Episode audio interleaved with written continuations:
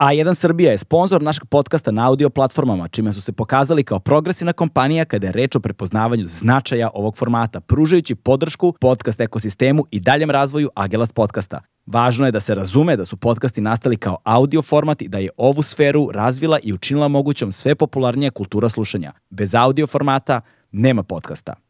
Legend Worldwide je domaći modni brend prepoznatljiv po džinsu i stilu, fokusiranom na stvaranje smirenog dizajna sa prizvukom modernog nasuprot bezuslovnom praćenju modnih trendova.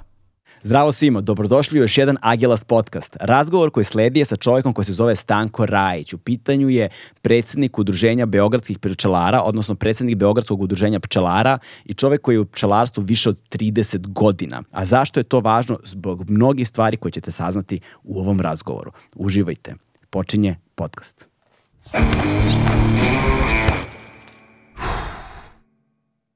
Hmm.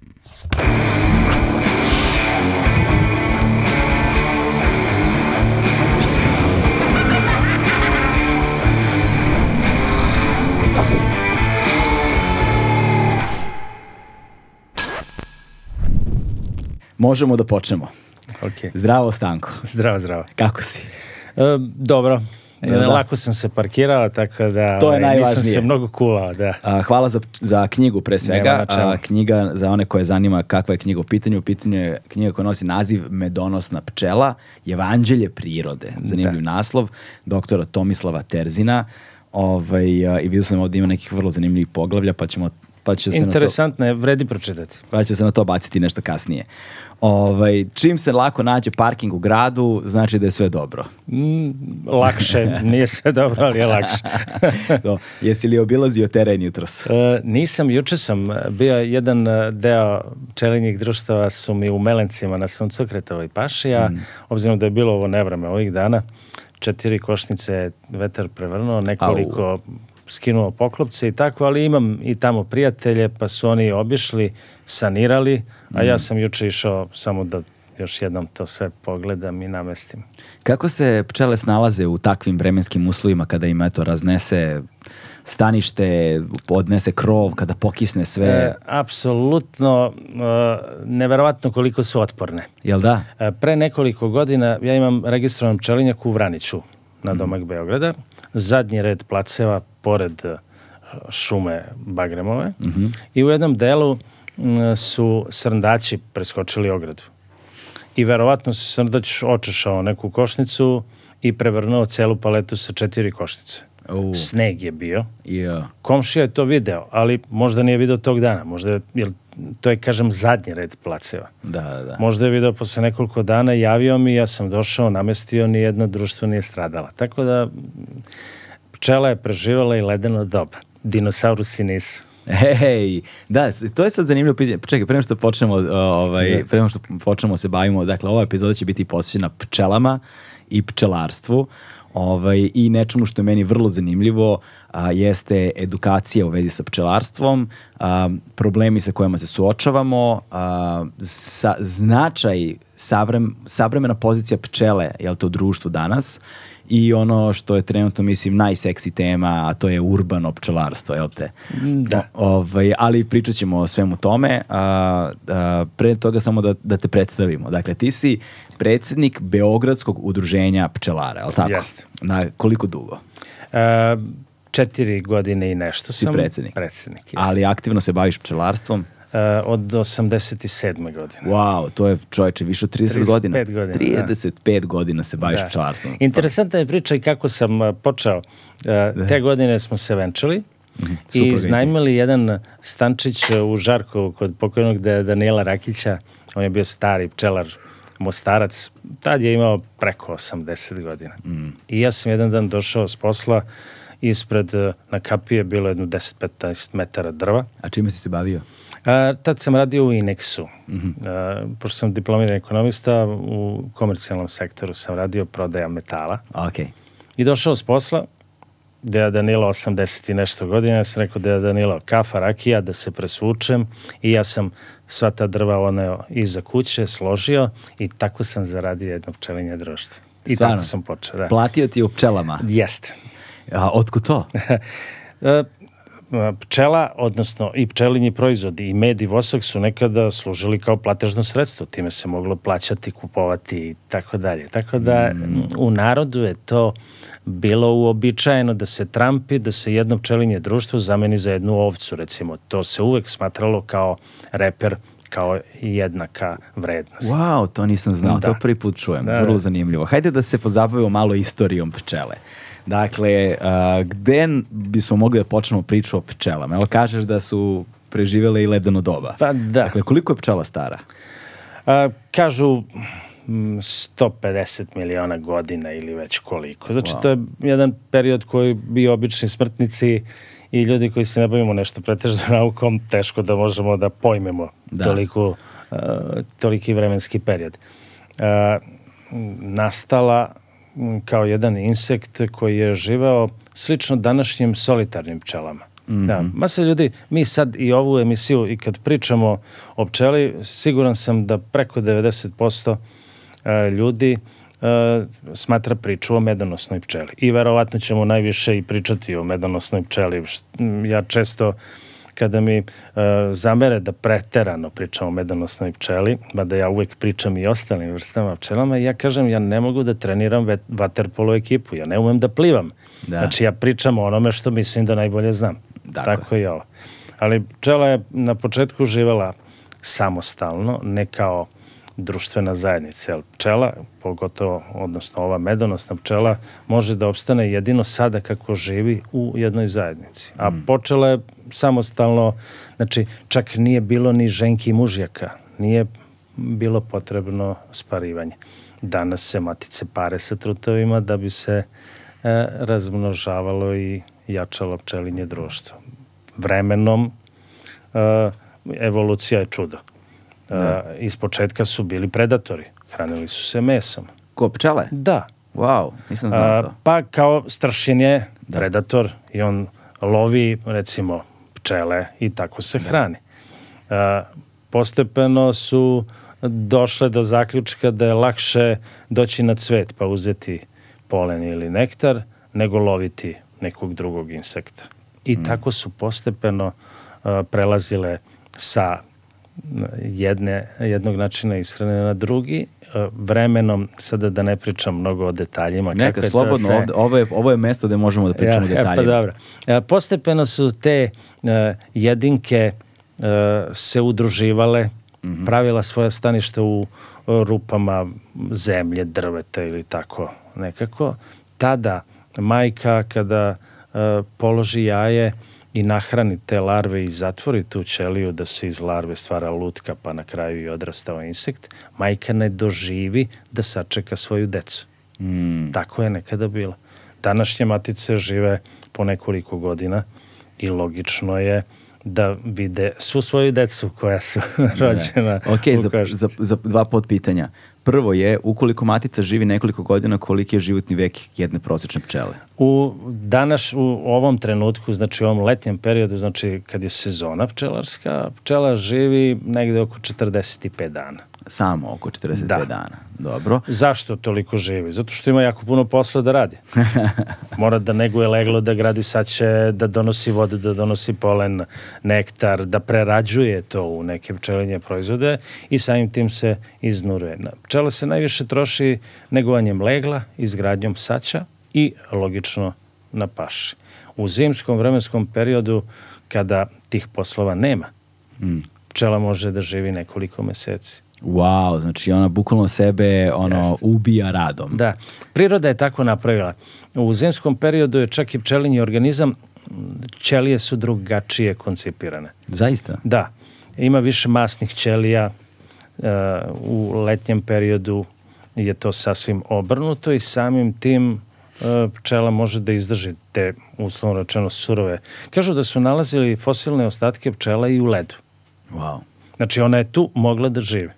Znači, kako pčele uh, greje sebe, osim očiglednih masnih ćelija koje vjerojatno potpomažu, ali da. sigurno postoji načina i posmatrao sam snimke načina koji one zagrevaju zapravo Jasne. košnicu i čuvaju, znači prave neke vibracije, lepeću krilima, je tako? Ali da.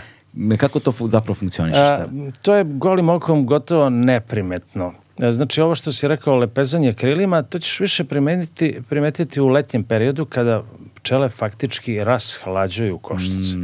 I e, pčela da bi rashladila svoje stanište potroši daleko više energije nego da zagreje stanište. Ona u zimskom periodu pravi takozvano klube, znači pčele se sabiju jedna uz drugu, to je otprilike ja- jajolikog oblika. I malim sitnim pokretima, gotovo nevidljivim za oko, one faktički greju telo. Greju celo to klube. Kada bi e, pokušaj e, negde ako se nađeš u zimskom periodu pored nekog pčelinjaka, kad je na polju sneg i ogreje sunce, vidjet ćeš da ima jako puno mrtvih pčela na tom snegu. Zašto? Sunce zagreje košnicu, prevari pčelu, ona izleti na pročisni let ili po vodu, jer u tom periodu ne izleće iz košnice svaki dan. Kada sleti na hladan sneg, tu se rasledi i tu ostane. I tu na kraju ugine. Znači, e, pčela, pčelu moramo posmatrati kao društveno biće. Ona je socijalni insekt, ona može da opstane jedino u zajednici. Ovakva medonosna pčela o kojoj mi danas pričamo i koja može da se gaji. Znači, mi je nismo pripitomili. Mi smo je samo stavili u neko stanište koje je, ajde da kažem, e, prikladnije za bavljenje pčelarstvom. Mm, okej. Mi smo tu dosta uh, uradili, ajde da kažem, uh, nekih stvari koje nisu prirodne za medonosnu pčelu. Medonosna pčela, to si, ako nisi uživo video, verovatno si video na nekom filmu, uh, medonosna pčela se uh, razmnožava rojenjem. Znači, iz jedne košnice stara matica izlazi, odvodi jedan deo pčela svih struktura i formira novo stanište. Da. Kada se zakači za granu ili Samo sekund, šta se dešava sa starim staništem? o, tu se proizvode nove matice. A, o to- jedan deo pčela ostaje. E, ajde, kako to funkcioniše? Kada pčele procene da treba da se razmnožavaju, Kada, kada se otprilike razmnožavaju, ili znamo to? pa e, to Koja je počinje tačka? maj, juni, juli u periodu kada se u pčelinjem društvu stvori takozvani višak pčela. Mi to pčelari e, zovemo e, besposlene pčele. Pčela je otprilike kao deca ili kao vojska. Ako bi e, im pustio da ne rade ništa, sigurno bi napravile, mi to zovemo uslovno rečeno gluposti. Znači izrojila bi se. Za nas je to prirodno svojstvo pčelinjih pčelinje zajednice da se roji. E sad, mi pčelari pokušavamo e, da to e, ne sprečimo, nego jednostavno da pomerimo ili napred ili malo nazad u vremenskom trenutku kada nama pčelarima odgovara. Jer zašto se ljudi bave pčelarstvom? Prvo iz ljubavi, to je okej. Drugo, e, jedan mali procenat pčelara se bavi time zbog obezbeđivanja egzistencije sebi i svojoj porodici.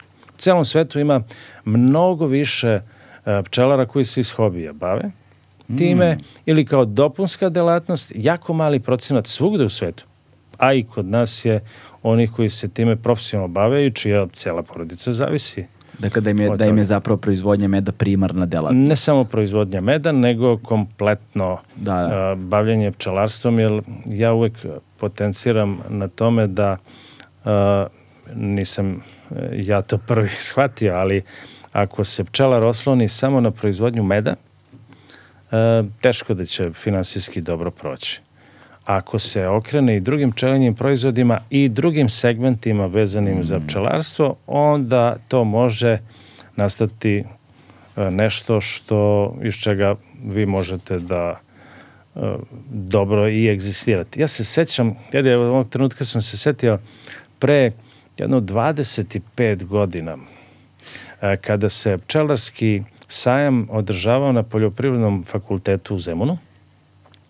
E, doveli su, e, ne mogu se setiti imena, porodica Bugarski, otac i sin su došli da prezentuju svoj način pčelarenja.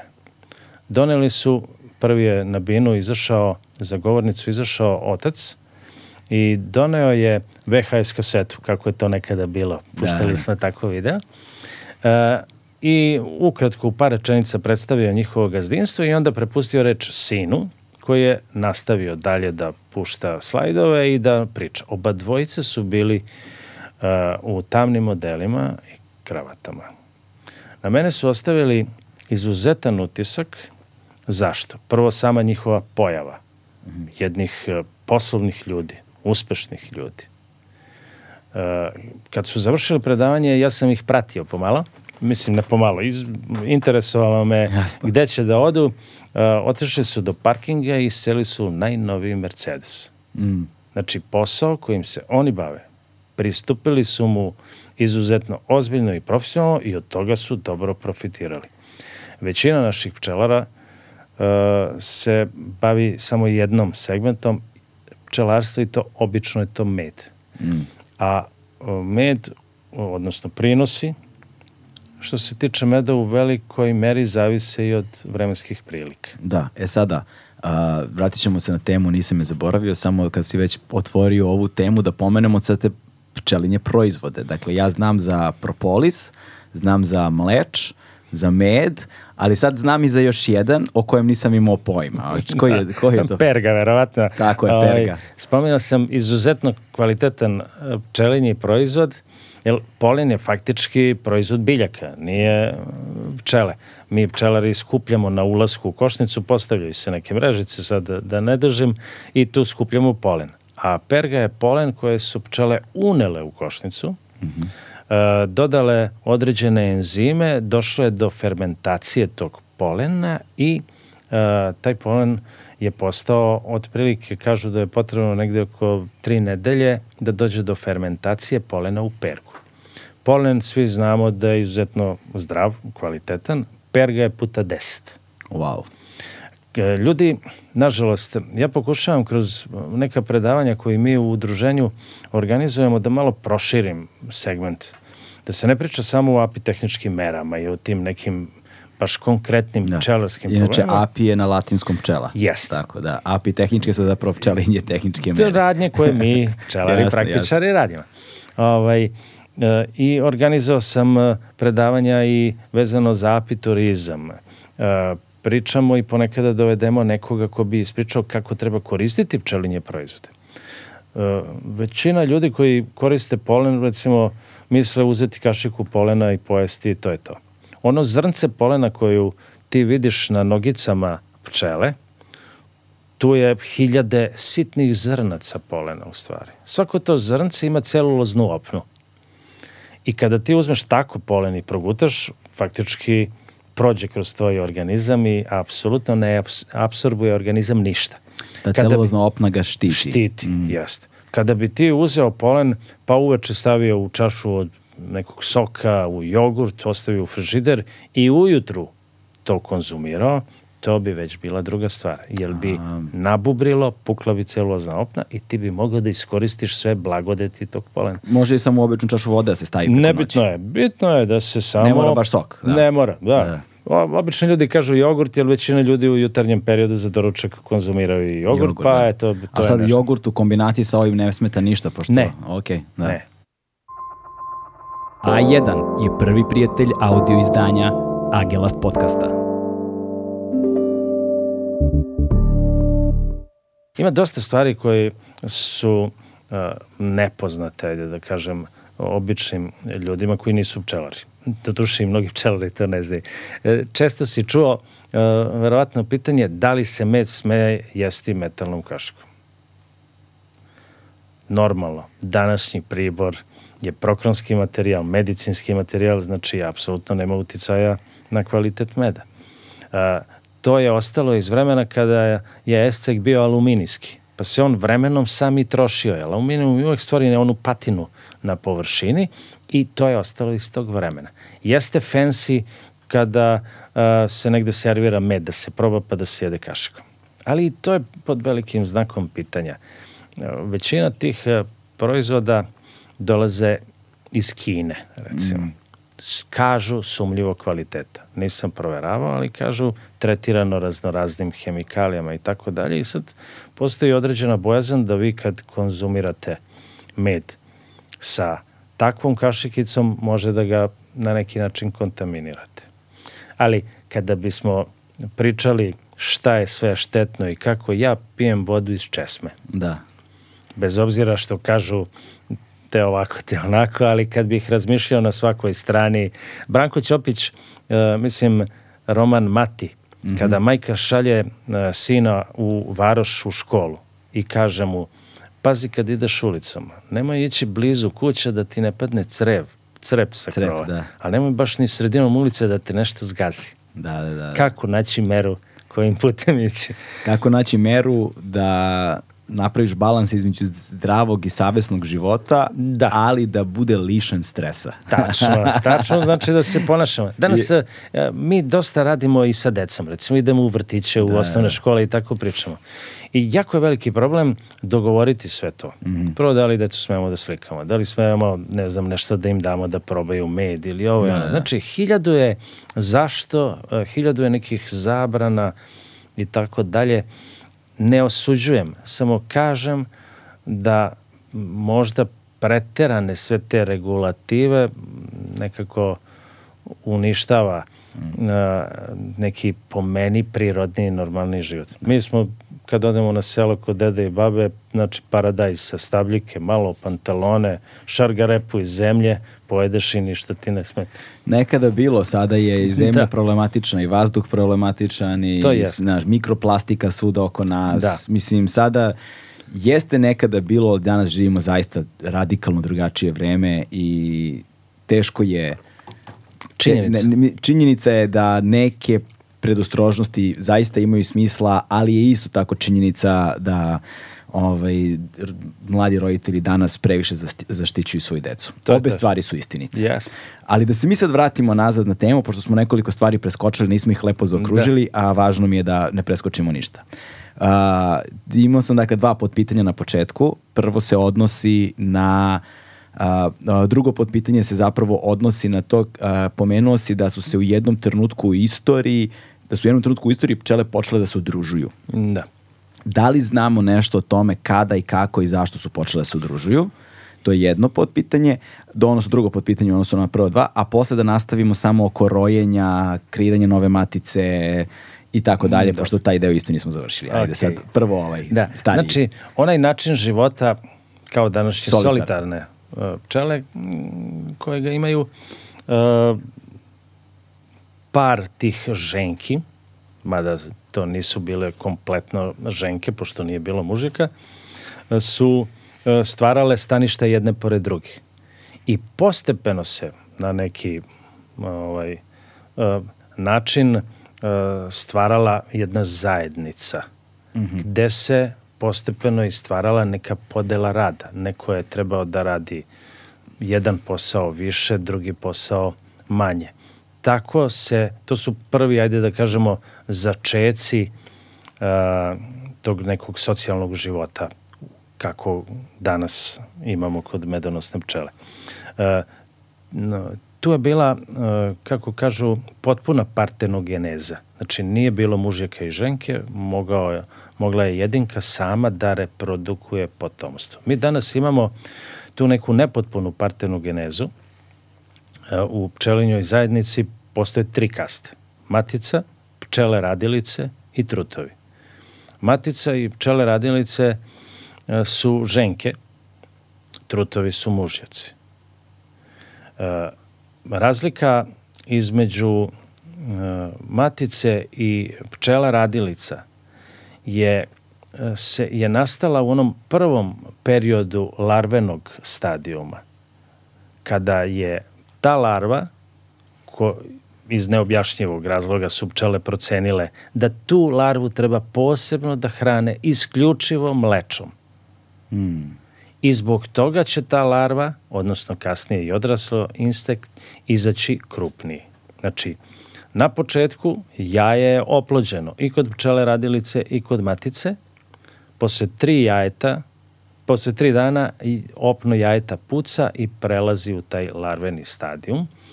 U prva tri dana sve larve se isto hrane. Posle tri dana one larve iz kojih će se izleći pčele radilice e, hrane se ne samo mlečom, nego i dodatkom meda, polena, odnosno perge, a larva iz koje će izaći matica isključivo mlečom. Zbog toga je taj insekt krupniji, razvijeniji, razvijeniji je polni organ u obliku nekih cevčica.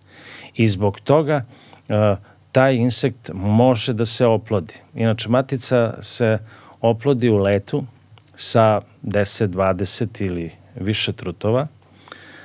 Ta je to mesto na kom se skupljaju trutovi, uh, niko ne može da objasni zbog čega se baš tu nalazi, to su takozvani kongregacioni centri. I trutovi tu čekaju faktički matice da prođu. Matica u letu ispušta feromon, verovatno si čuo za matični feroman, i to privlači trutove koji je jure i u letu se pare.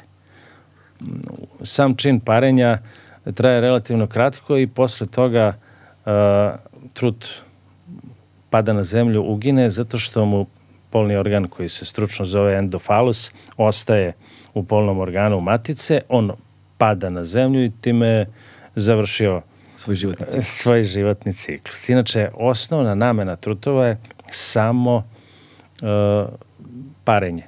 Mm. Mada se radilo istraživanje i uh, izbacili su, a postoji način kako da se trutovi izbace iz košnice, kažu da je uh, radno raspoloženje u košnici opalo. Znači, nije ovaj, istina da oni samo služe za oplodnju, mada im je to najvažniji deo.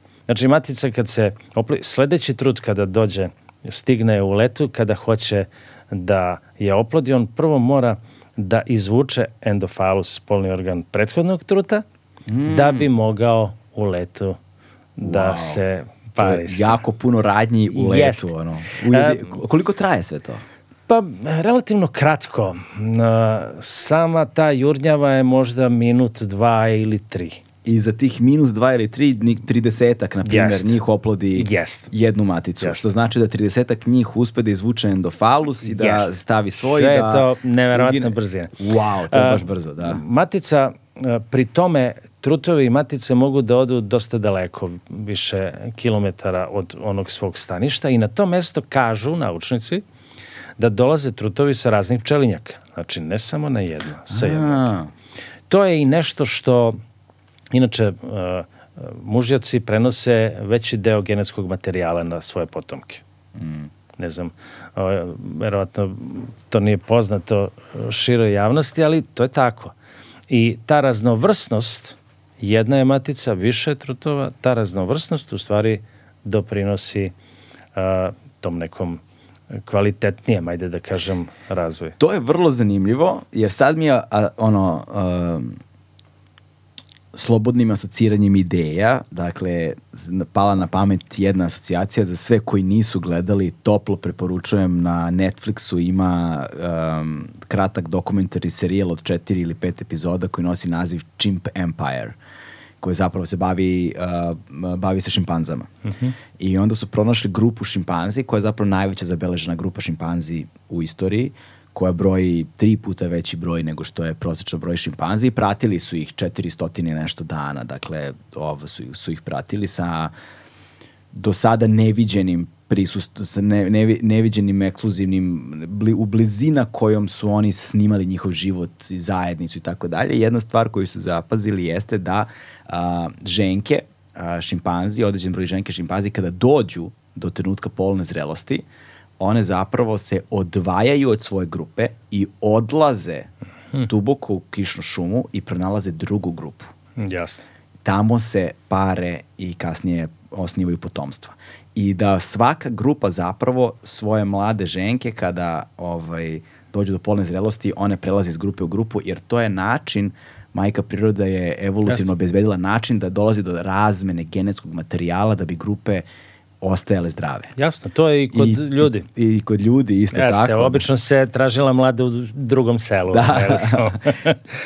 Zato su mešoviti brakovi da. ovaj, da. pa, i, sa, sa, sa, sa različitih jest. meridijana vrlo zanimljivi. Jeste, jest. sigurno. da. Sjajno, da. I tako i evo, i sad me Tom, Toma, odmah sam se setio te priče, da, da. tog detalja, ovaj, sa kada si pominjao da, da, da se zapravo mužjaci sa, ra... ovde sam obrnut proces, ovde su mužjaci iz da. različitih društava. Da. Pa, e, šta je još interesantno za e, pčelu?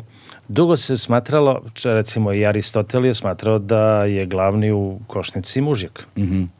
Tek kad je nauka uznapredovala i kad je počelo, ajde da kažem, taj razvoj racionalnog pčelarstva, to je 18. i 19. vek, onda se e, došlo do saznanja da je faktički glavna u košnici matica, jer ona stvara potomstvo. Ja kad ovaj, se družimo sa decom u vrtićima, ja uvek govorim kako matica u pčelinjoj zajednici ima obavezu samo da nosi jaja, znači da stvara potomstvo. Nije, ona je majka svim pčelama ali nije kao naše majke. Naše majke moraju da peru i da pegluju i da kuvaju. I da, da, da, da vode računa o nama. Jeste. Da. Ode u pčelinjoj zajednici sve pčele rade svako svoj posao. Mlade pčele u zavisnosti od starosti. Mlade pčele prvo čiste one ćelije saća, onda hrane mlade larve, pa hrane starije larve.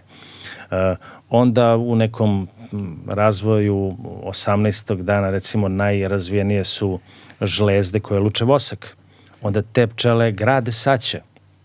Kasnije, tek posle nekih dvadesetak dana pčela postaje izletnica. Do tada je kućna pčela, a u kući ima jako puno posla da se radi. Sad u ovom letnjem periodu jako puno pčela je zaduženo na ventiliranju, mm. da rasladi Sa ovim košnice. temperaturama, boga mi, Katastrofa. možda im je životni vek još kraći. Sigurno, sigurno. Sve to utiče. E, ja sam bio prošle godine u Banja Luci, je bio neki pčelarski kao mini kongres, gde se raspravljalo o uticaju klimatskih promena na pčelinja društva. I bili su i neki meteorolozi i tako i iznenadio sam se kada je jedna gospođa, ne sjećam sad imena, sa nekog univerziteta rekla da se e, klima u principu i nije mnogo promenila jer se klima meri na dužem vremenskom periodu. Ali ti ekstremi klimatski su napravili jako puno štete. Jer ti, ako je danas 0 stepeni, sutra 40, to kad se uproseči, to je 20, idealna temperatura. Mm.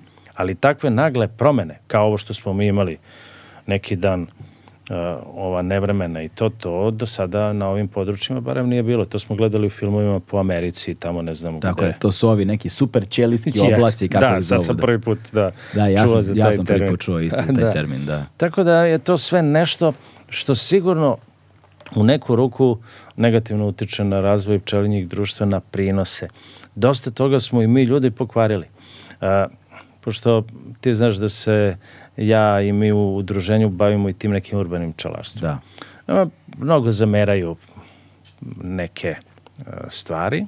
Uh, verovatno zato što nas ne slušaju pomno šta pričamo, ali nije bitno. Ja sam tražio na jednom skupu uh, u Novom Sadu, u institutu, institut za veterinu je organizovao neka stručna predavanja. Ja volim kad god je nešto stručno vezano za to, ja volim da nešto od toga i čujem. I gde sam ja rekao da m, naprave jedan projekat gde će se izučavati samo život pčele u urbanoj sredini, u nekoj ruralnoj sredini tipa stare planine ili ne znam ti ja gde je, da kažemo, netaknuta priroda i u Vojvodini gde je intenzivna poljoprivreda. Znači, samo da se istražuje kako ta sredina utiče na život pčela. Jer svi kažu da pčela u, u urbanoj sredini kao što je Beograd živi kraće, nekoliko dana. Ali kad uzmemo u obzir da ona u ovom periodu živi 45 dana, onda i 3 dana kraće je mnogo. Tako je, da. A, a ja kažem, pčelinja društva u urbanoj sredini se jako dobro razvijaju. Daju jako dobre prinose. Onda se to ne gađa sa ovim da kraće žive.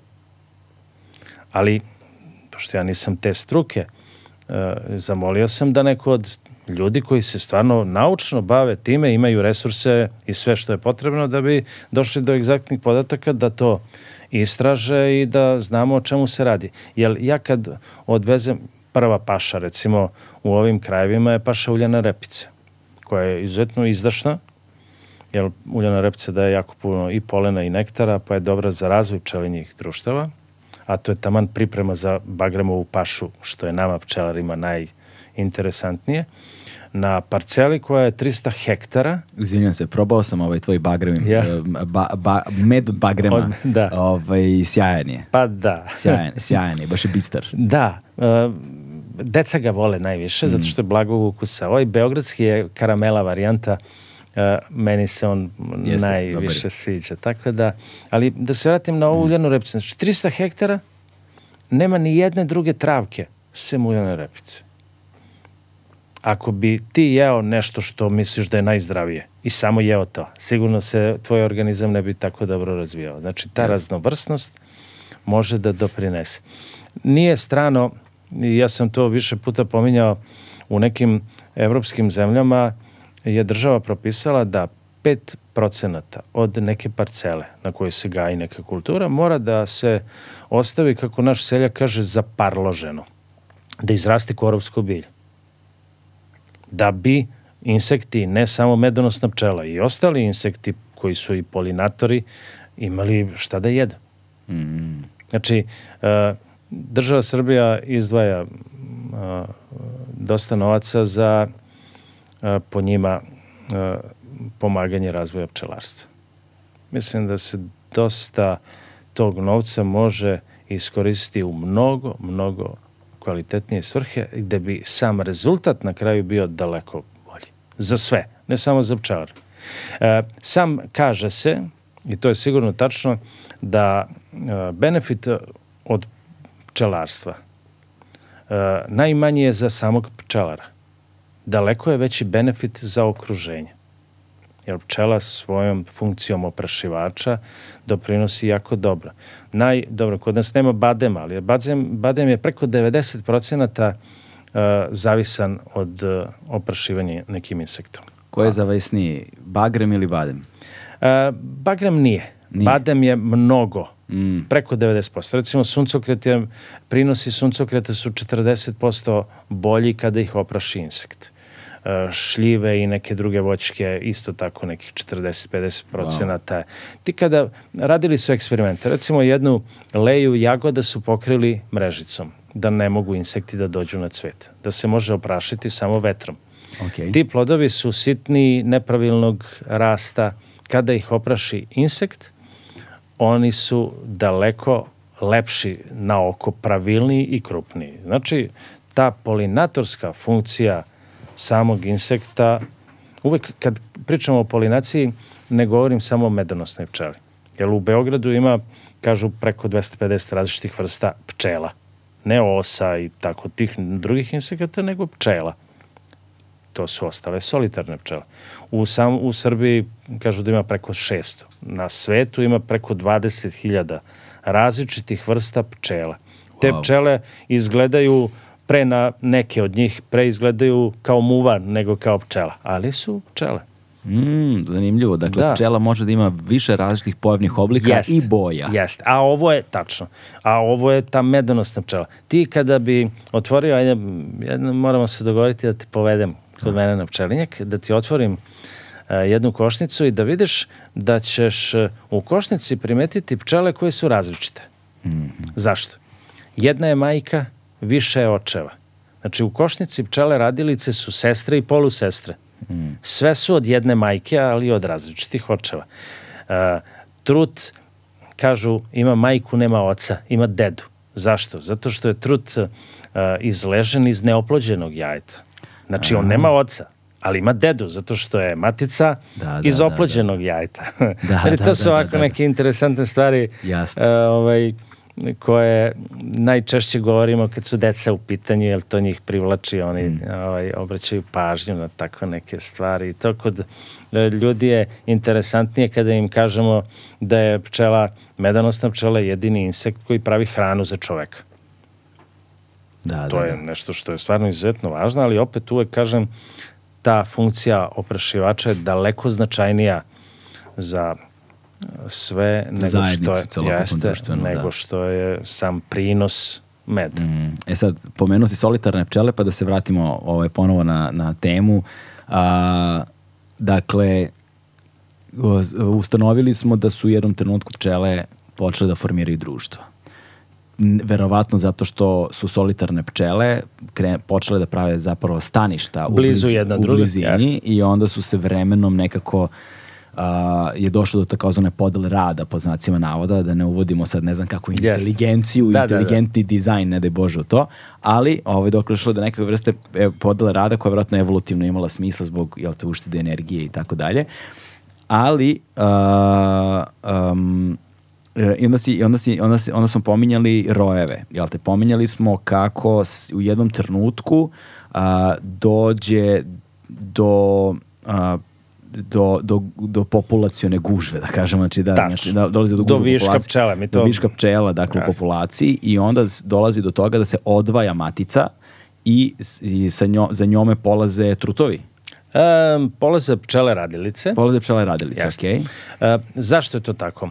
E, prvo, priroda je namestila tako da pčela se na taj način razmnožava. Jasno. Kada e, pčele na neki način procene da bi trebalo da počne period rojenja, onda prvo pčele izletnice idu okolo i traže neko po njihovoj proceni dobro mesto. Kada ga pronađu, vraćaju se u pčelinje društvo i daju signal ostalim pčelama da krenu. E, o tome sam čitao zapravo i vrlo je zanimljiv a, i za sada neobjašnjiv čini mi se proces kako one to zapravo signaliziraju. Odnosno ima, a, odnosno ta- video sam da a, šalje se signal a, izletnicama na neki način, ne znam kako se šalje signal, ali se pošalje njima signal da treba da traže novo stanište. I onda se one upute na različita mesta, puno njih se Da. zapravo, zapravo zaputi i vraćaju se nazad sa informacijom o staništima koje su našle. Na neki način tu informaciju prenose, ali na neki način, da, plesom čini mi se nekim, Kar- plesom signaliziraju a, stepen kvaliteta staništa. Tačno. I onda se na osnovu tog plesa bira najbolje stanište, odnosno na osnovu najboljeg plesa najbolje i onda da li one kopiraju taj ples uzajamno prenose jedna drugoj Informaciju informacije. tim plesom. E, Karl von Frisch, to je austrijski naučnik, mislim 1973. godine da je dobel, dobio Nobelovu nagradu jer je dešifrovao jezik pčele. Wow. To je bio Sizifov posao. On je bojao pčele u bojama tako da bi mogao lako da prati kada pčela izađe i kada se vrati u košnicu, imao je jednu staklenu košnicu gde je mogao da gleda kako se pčele okreću. I recimo, ako je neki izvor hrane relativno blizu, na 100-200 metara, pčele prave krugove i pod nekim uglom signaliziraju, jer pčela svu orijentaciju koju radi, radi sprem sunca. Čak i kada je napolju oblačno, pa mi ne vidimo sunce, ona zna gde se nalazi sunce i sprem tih pokreta ona pokazuje drugim pčelama gde treba da idu. E, Ako pravi osmicu i tu je ona osa osmice, zavisi kako je okrenuta i to ima veze sa položajem sunce da bi pčele koje dobiju tu informaciju mogle da znaju gde treba da lete. Tako da to je jedan izuzetan složen jezik koji je on uspeo na neki način da dešifruje i kažem za to je dobio i Nobelovu nagradu. Da, da. E, Pčela sve radi instinktivno, nije mnogo pametna, ajde mogu slobodno tako da kažem, ali sve te informacije koje ima e, na neki način prenosi na ostale i tako pčelinja zajednica opstaje.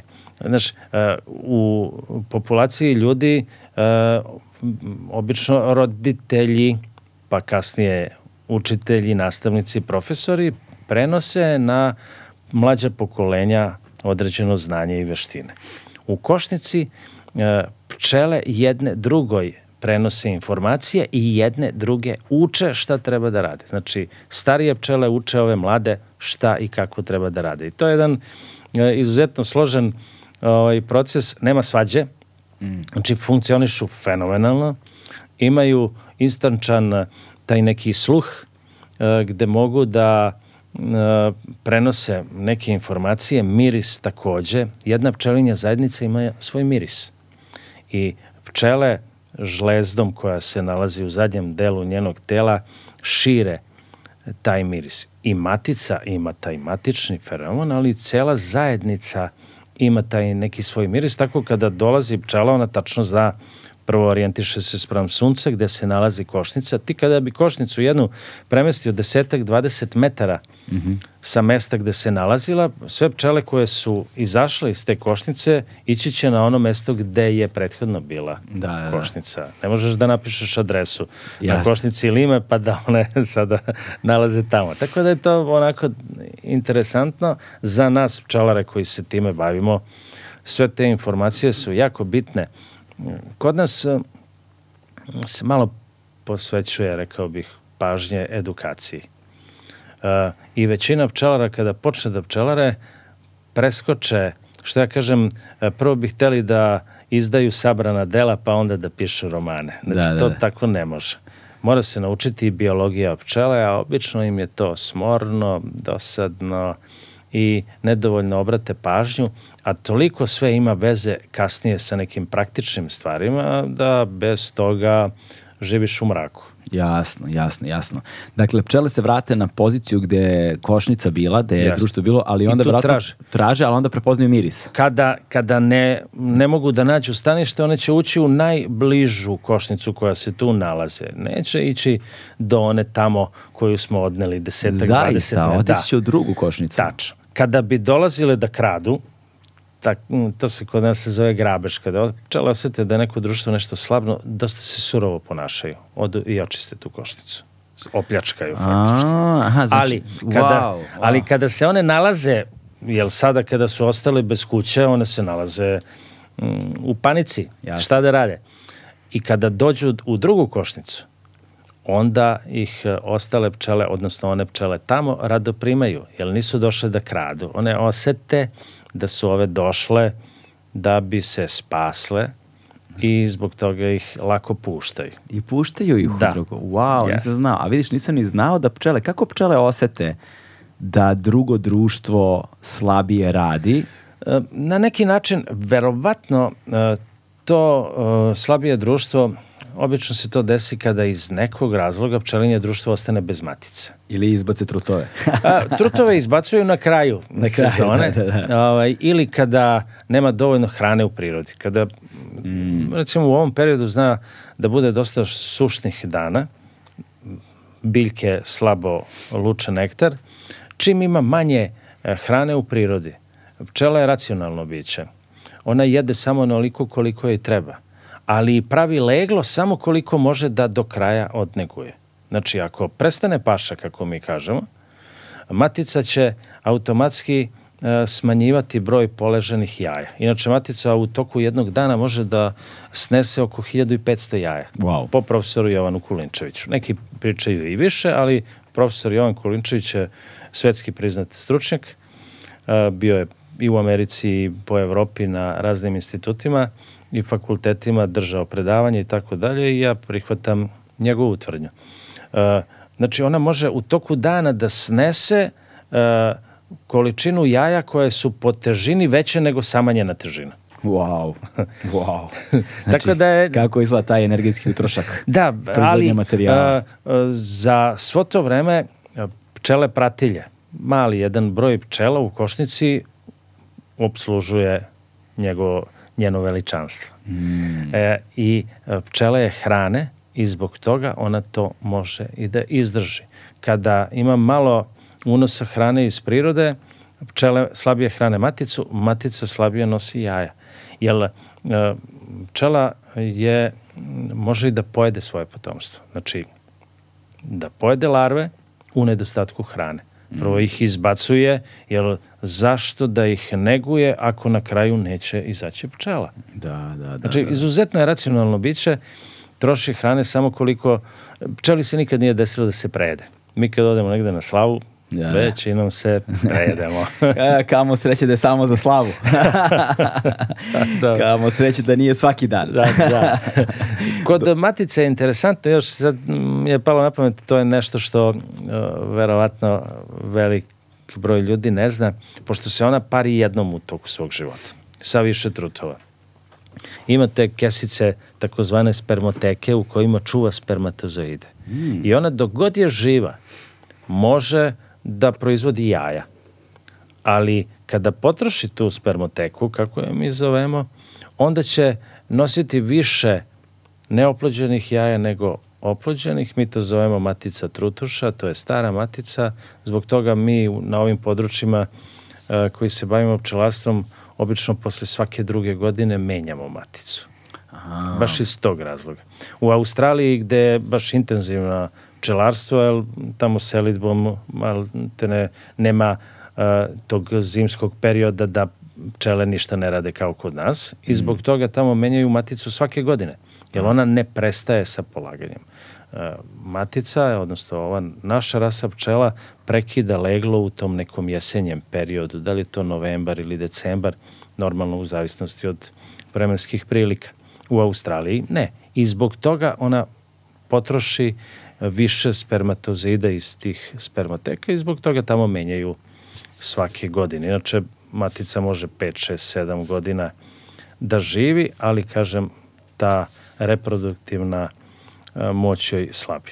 Dakle, kada se roje, u jednom trenutku matica šalje, dakle, pričali smo malo pre, šalje, sig, šalje signal, uh, izletnice odlaze, pronalazi se stanište yes. i onda kreće selidba. Jedan uh, deo društva izađe prethodno, uh, pčele u košnici m, izaberu jedan broj 10, 20, 50 ćelija nekih mladih larvi i to specijalno hrane da se na tim ćelijama razvijaju matičnjaci. To su ćelije iz kojih će se izleći buduće mlade matice. Mm -hmm. Kada se ćelije te zatvore, to je trenutak kada stara matica odvodi jedan deo uh, pčela iz te zajednice spram informacije tih izletnica, izvidnica i tamo pokušava da formira svoje stanište.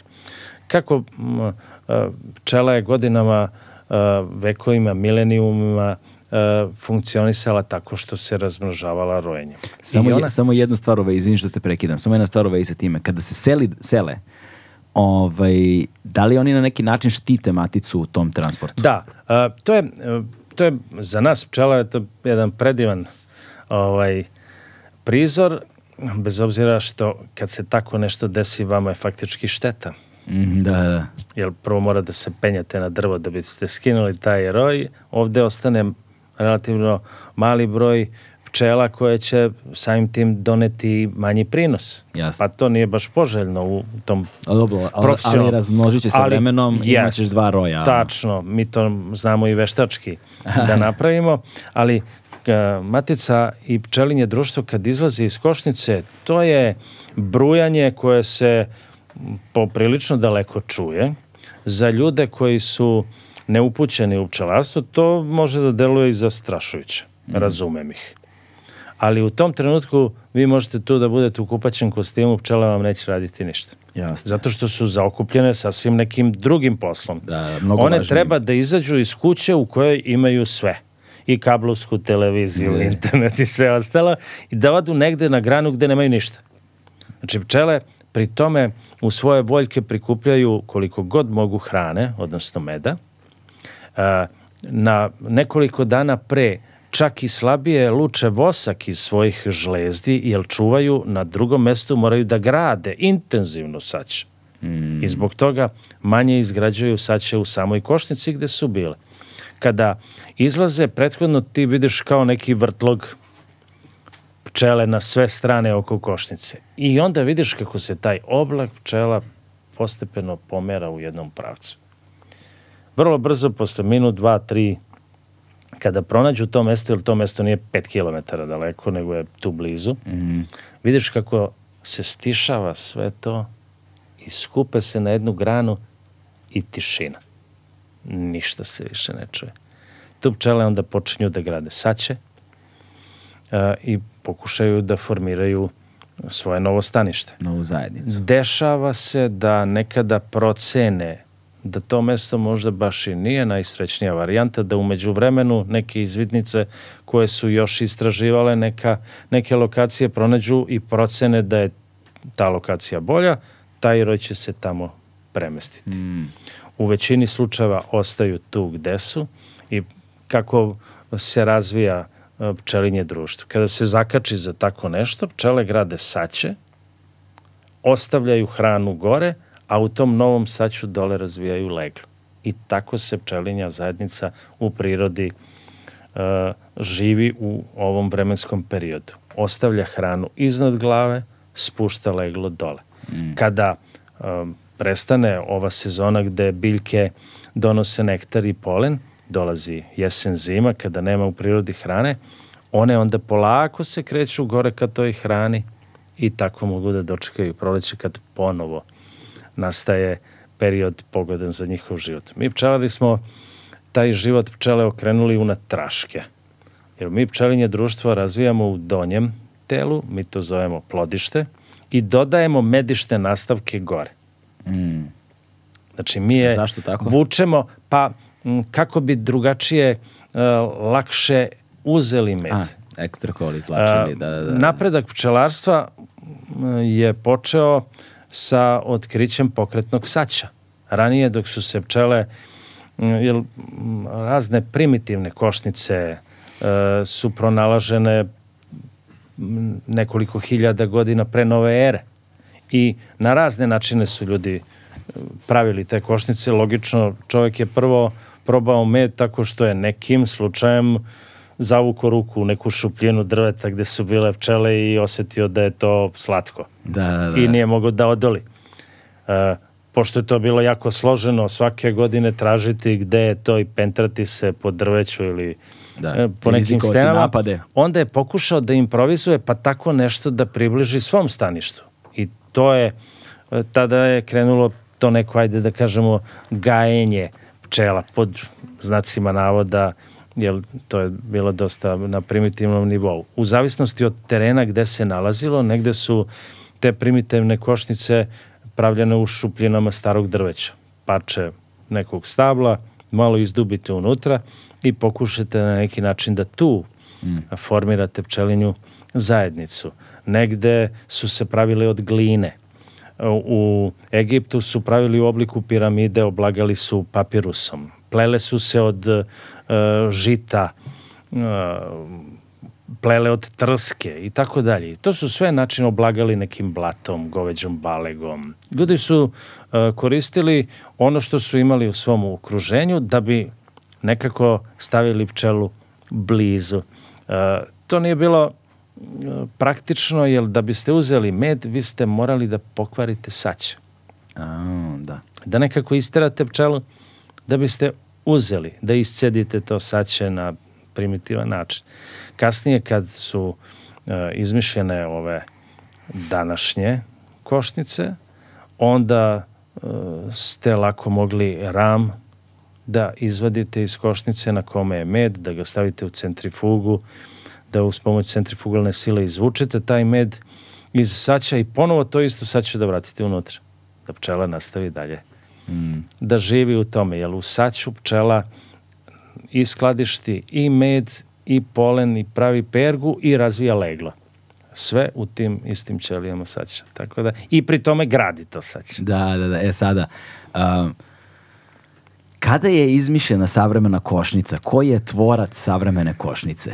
Pa, uh, ajde, uh, Amerika je bila onako dosta uh, u to vreme, to je 18. i 19. vek, kada se počelo malo, što kaže, ozbiljnije raditi na tome. I recimo Lorenzo uh, Langstroth je uh, napravio jednu košnicu koja se i danas koristi. Amos Trut je doradio malo tu košnicu, to je uh, košnica koju mi danas zovemo nastavljača, skraćeno LR, Langstrutova košnica. Mm. Svi ramovi su jednaki, mogu se premeštati tamo vamo i tako dalje.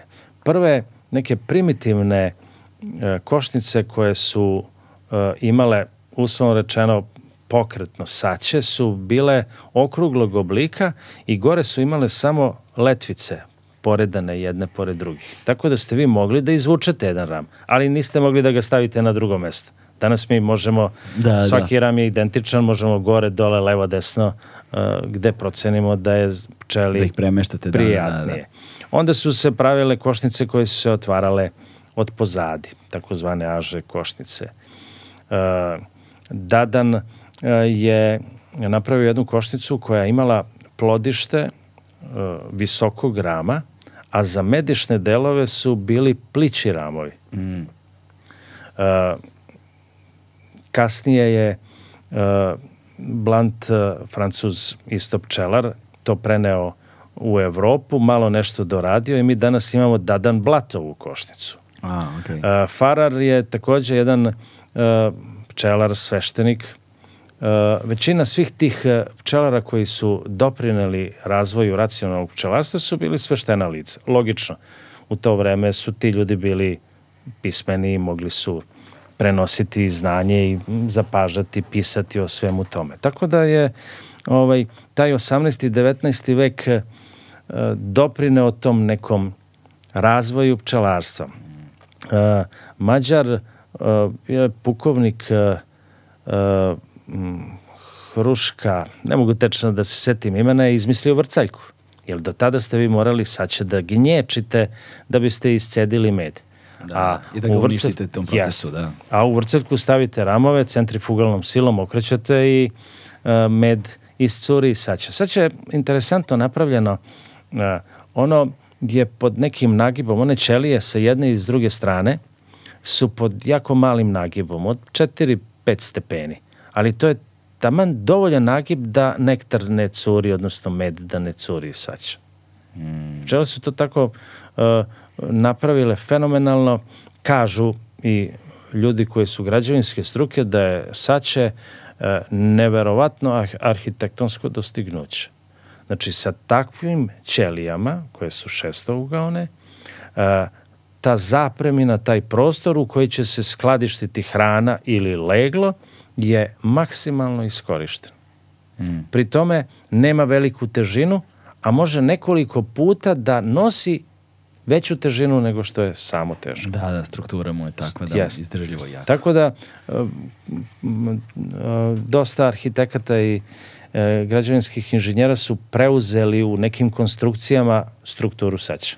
Da, to je vrlo poznata stvar u arhitekturi. Da. Pritom, a, mi je zanimljivo, video sam košnice koje su bez zidova, bez pregrada i onda pčela, ako nema pregrada, sama napravi strukturu saća tako, izgleda kao lavirint neki, ali da je savršeno proizvedena za ventilaciju. Da. E, ti kad bi e, stavio sveću, recimo zapalio, i stavio na ulazak košnice, video bi da na jednoj strani plamen kao ulazi unutra, na drugoj izlazi. Znači, pčela stalno pravi to neko strujanje vazduha, ne samo da bi rashladila košnicu. Pčela je živo bić, živi u jednom prostoru. Znači, ima i vlage. Višak vlage se mora izbaciti. Znači, i mi ujutru kad ustaneš, prvo je što otvoriš širom prozor. Da, proluftiraš se. stan. Logično. Tako ovaj, radi pčela. Tako da je, a ta sama gradnja saća, jedan naš kolega iz Lazarevca je izučavao život pčele na, uslovno rečeno, otvorenom. I napravio je košnicu koja je bila potpuno otvorena. Merio je termometrima temperaturu u zoni legla, jer u zoni legla temperatura treba da bude između 34 i 35 stepeni. Okej. Na ivici može da bude led, ali u sredini, tamo gde je leglo, mora da bude ta temperatura. Ovamo gde se nalaze ostale pčele, može da bude i 20 i tako, ali u zoni legla mora ta temperatura da bude, inače će se prehladiti leglo, neće se razviti pčela. Ili ukoliko je toplo je previše napolju, onda Tačno. tamo opet mora se rashladi na tu temperaturu. Tačno, tačno. Ne znam da li sam rekao, ali pčela daleko više energije koristi za Jeste. raslađivanje. Da, rekao si, rekao si, da, da. I?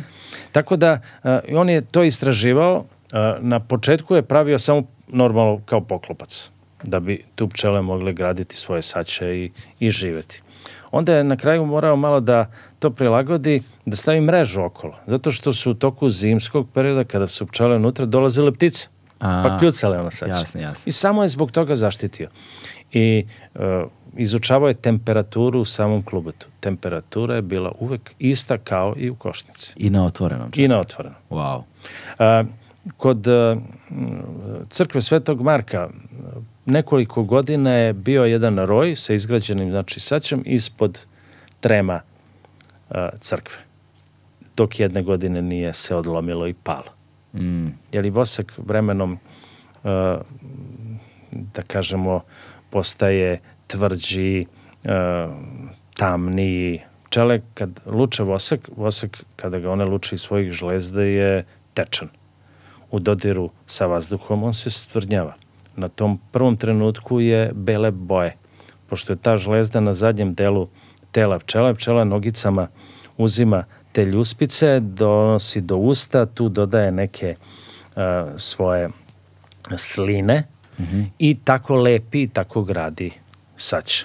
Wow. To sače onda postaje svetlo žuto, tamnije žuto i vremenom postaje tamno. Da. Pčela ne može, bez obzira kada izađe mlada pčela iz ćelije saća, pčela ne može da očisti skroz tu ćeliju. Ona opna kad se razvijala lutka unutra, uh, ostaje. I time i ćelija postaje manja i tako dalje. Sisari kada uh, se ovaj oteli krava ona i izbaci onu posteljicu iz sebe kao i da. druga živa bića. Pčela to ne može da radi, tako da wow. uvek i to sad će vremenom postaje i tamnije, čak na kraju bude i onako dosta crne boje, ajde da kažemo, ili tamno brown. Mi pčelari se trudimo da vremenom menjamo to saće, jer sa takvim saćem gde je bilo više generacija pčela može se zapatiti neke bolesti. A, okay, okay. I onda je to, a već kad imamo ovu mogućnost da s tim pokretnim saćem e, radimo, zašto ne promeniti? Uobičajeno je da se jedna trećina voska u toku godine promene, neki pčelari to rade i češće. Šta je bitno još e, kod toga da se kaže, kod nas, mada i u okruženju, nema neke zakonske regulative kod e, proizvodnje takozvanih satnih osnova. Satna osnova je voštani početak koji mi ubacujemo u ram, izgleda kao oblanda za kolače. Mm -hmm, okay. To je to. A, Mering je izmislio te, tu satnu osnovu pre, sad tačnu godinu, ne znam, nije ni bitno, a, valjcima se napravi tako od voska taj početak i pčele onda nadograđuju. Ne razvlače taj vosak koji smo im ponudili, nego luče vosak i grade te ćelije. Aha, nadograđuju samo na postojeće. na postojeće. Uh, jako je bitno da te satne osnove kada kupujete, ko mora da kupuje, a to su ovi pčelari sa manjim brojem košnica, da to kupujete kod nekoga u koga imate poverenja. Jer proizvođači tih satnih osnova stavljaju parafin, cerezin i ja ne znam šta još, lo i tako dalje. Tako da je to nešto što negativno utiče i na razvoj pčelinje zajednice, samim tim kontaminirate sve proizvode koje vi treba da uzmete iz košnice.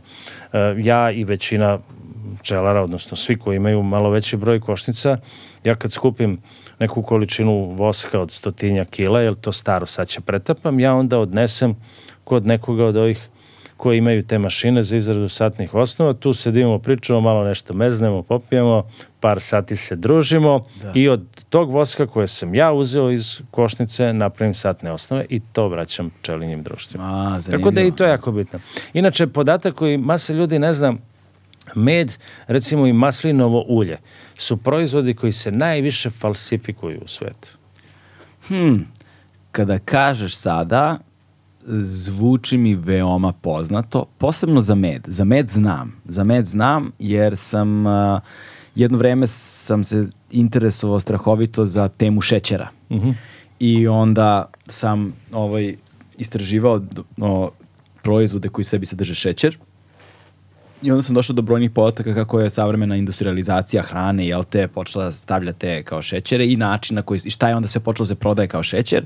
I onda sam došao do tog podatka, recimo u Americi su bili ti Uh, me, med se prodavao u komercijalnim pakovanjima gde su bile kao bočice koje su u obliku mede, ali provid, providne. Tako nešto je bilo. Se, ne mogu se setiti za tačno i da je zapravo cela serija za, je zapravo bila vešta, je bio veštački med, Jasne. nije bio pravi Teško med. je primetiti Te, naš, kada vam ponude uh, neki nazovi med ili fake, e, teško je ovako e, proceniti golim okom. Da, ali za maslinovo ulje nisam znao. Da, i to je proizvod koji se takođe jako, to jako baš nisam posjetuje. znao, stvarno. To sad pripučujem. Za med sam znao, da.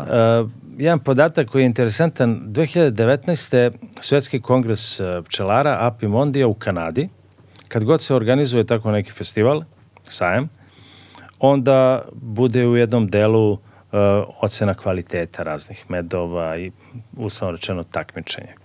Na tom uh, sajmu je 40% uzoraka meda koji su tu donešeni proglašeno kao fake.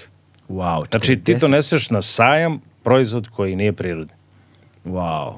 Sad je pitanje da li ga doneseš svesno? Pa teško da... Možeš ovaj, slučajno da napraviš. Teško. Bio je jedan primer slučajno je kontaminacije meda. Recimo kod nas, mislim prošle ili pretprošle godine kad je otkriven neki antibiotik u medu kod jednog pčelara. Logično, kad se tako nešto objavi u novinama, a novinari često znaju da daju površne informacije. Ima ono pravilo, ajmo da saslušamo i drugu stranu. Da, Možda da. ćemo dobiti drugačiji Ja, slik. odmah, ja samo da ste naznaku, to nisu novinari. Da, pa... Da, mm, zna se šta je novinar, to nisu novinari. Slažem da. se s tobom, ali informacija je tako došla i odmah je bila wow. Mhm. Kontaminacija meda je mogla doći tako što je pčela e, sa neke biljke donela kontaminiran nektar od koga pravi med. Jer sve biljke se tretiraju razno raznim hemikalijama, između ostalog i nekim antibioticima. Znači, i to je jedna od opcija da je taj med kontaminiran. Ja ne kažem da nema pčelara koji uh, svesno ili iz neznanja i koriste i neke preparate u borbi protiv borbe u borbi protiv parazita varoje. To je mm, jedan parazit koji pravi najveće štete pčelama. E, regulativa zakonska je takva kakva jeste. Efikasnost svih tih preparata je takođe negde manja, negde veća. I obično su preparati koji su na bazi hemije efikasniji, uslovno rečeno. Da, da. Ali, ja uvijek kažem, dajte, prizovite se pameti. E, drugo, ja uvijek kažem, parazitu nije cilj da ubije domaćina. Mm. Jel tako? Jel onda mora traži drugog? To mu dodatni posao. Tako je, da. Znači, ajmo da svedemo nivo zaraženosti tim parazitom na neki pristojan minimum gde bi i pčela mogla normalno da živi, a mi da ovo držimo pod kontrolom. To se može raditi i nekim apitehničkim radnjama koje su, ajde da kažem, mehaničke. Znači, e, taj parazit se razvija u leglu pčela. E, jako mali procenat tog parazita obitava na živoj pčeli. Znači, ako vi jedan deo legla izbacite iz košnice, vi ste time mehanički izbacili dobar deo parazita. Pčela radilica od jajeta do izlaska pčele radilice je 21 dan. Trut od jajeta do izlaska odraslog truta 24 dana. Matica od jajeta do izlaska matice 16 dana. Samim tim, trut i matica se najkvalitetnije hrane. Da. Po toj logici, gde bi parazit otišao? Tamo gde se kvalitetno hrani i gde je najduži period u kome se on može razvijati. Znači, ako vi, a možete napraviti situaciju da u jednom delu košnice razvijate to trutovsko leglo, parazit ulazi u leglo pre zatvaranja, a to je nekih osmi, deveti dan, pre zatvaranjem voska. Jer kada dovoljno nahrane svaku larvu, pčele voskom zatvore tu ćeliju i onda se larva dalje razvija. Kada pre zatvaranja parazit uđe unutra, ako vi posle tog trenutka isečete taj deo saća na kome se nalaze nekoliko hiljada trutovskih ćelija, vi ste faktički mehanički iz košnice izbacili dobar broj tog parazita. Da, I ne morate da, koristite neke hemijske preparate. Pod uslovom da znate da tu postoji parazit. Uvek postoji. Znači, Aha, uvek, uh, u svakom- Pre nekih 50 godina je donešen uh, iz uh, Indije na tamošnjoj vrsti pčela taj parazit živi normalno i pčela i to ovde je napravio jako veliku štetu jer u tom trenutku uh, se nije znalo šta se dešava. I jako veliki broj pčelinjaka je totalno desetkovan. Znači, celi pčelinjaci po stotine uh, pčelinjih društava je stradalo zato što ljudi nisu znali. I onda se krenulo sa istraživanjima, sa ovim onim preparatima, obično se odmah u laboratoriju ide, pa se koriste neki preparati koji prave i neku drugu štetu. Nema leka koji ne naprave štetu. Lečite jedno, kvarite drugo. Tako je, Zato i kad pijemo antibiotike uvek, ajde, probiotik ili nešto tako, mislim. mm, Ne kažem, ne možemo nikako izbeći to, ali dajte da pokušamo malo da smanjimo. Tako da, a edukacijom pčelara se može mm. dosta uh, toga uraditi. E sad je tu zanimljivo zapravo uh, kad govorimo o pčelama sa drugih podneblja i kada govorimo o eventualnom mešanju, transportovanju, do, transportovanju, donošenju, jer recimo imali smo pre neko deseta godina, možda malo manje, šta beše bilo ono da je neka smrdibuba iz Kine stigla, stigla kon kontejnerima i onda smo, ako se sećaju ljudi, imali ovaj, najezdu smrdibuba svake godine znači, u neverovatnim brojevima. Jest. Sa sa kojim ne znam da li smo na kraju izašli na kraj, ali čini mi se da više nemamo onu najezdu, da, razmožavanje. nema ih toliko, ima ne, ih još, ali nema ih, ne nema, nema ih toliko, ne znam na koji način se to rešilo ili ko je to rešio ili šta se tu desilo, bilo bi zanimljivo saznati. Ali, uh, slična stvar se des, des, desi sa pčelama. Jasno. Ranije je bilo uh, recimo afrička vrsta pčele, azijska vrsta pčele, evropska vrsta pčele jer su ti kontinenti faktički bili barijere. Pčela može da leti par kilometara, ali ne može hiljadu kilometara. Jasno, da. Znači, kad je veliki planinski masiv, ne može pčela da preleti. Jer vi, uh, ja u maju kad sam išao za Crnu Goru, na Durmitoru je još bilo snega. Da. A zamislite negde tamo u Alpama i to. Znači, Jasne. da li postoji dan kada je bez snega na tim vrhovima? Znači, pčela je bez uh, uticaja čoveka, bez transporta, teško mogla sa jednog kontinenta da pređe neko more ili tako neki veliki planinski lanac. Logično kada je, sa razvojem civilizacije i transporta je to postalo moguće, e, kontrole verovatno da postoje, ali koliko su one e, dobre i kvalitetne pokazuje ovo što nam se dešava. Jasno, jasno. Amerikanci recimo iz Australije svake godine dovoze hiljade uh, pčelinjih društava u rojevima. Pakuje su transportne kutije i dovoze za Ameriku jer su oni tamo izračunali da im se ne isplati da gaje pčele, jer oni pčelu tamo većinom e, koriste za oprašivanje badema. Mm. I onda njih ne interesuje sam život pčele, da li će pčela posle da ugine ili već šta god. Nebitno je o, njima je rentabilnije da kupe za sledeću sezonu, jer njima pčelinje društvo treba samo u relativno kratkom vremenskom periodu kada cveta badem. Kada lista badem, ne, treba. zanima. Da. Ne zanima. da, dobro, svakako sigurno velika to zemlja, postoji tamo da ozbiljni pčelari koji se ozbiljno bave svojim poslom, ali u komercijalnoj industriji razumem da, je da, da, da je to slučaj, sa kojim postoji takođe, to je nešto što sam takođe video, a, a to je a, da oni imaju celu industriju selidbe pčela. Da, prostranstva, prostranstva su velika. I sad kada ti trebaš nekoliko hiljada kilometara da prevezeš onim velikim njihovim šleperima, a, logično da to ne možeš da uradiš u cugu, jer to traje. Da.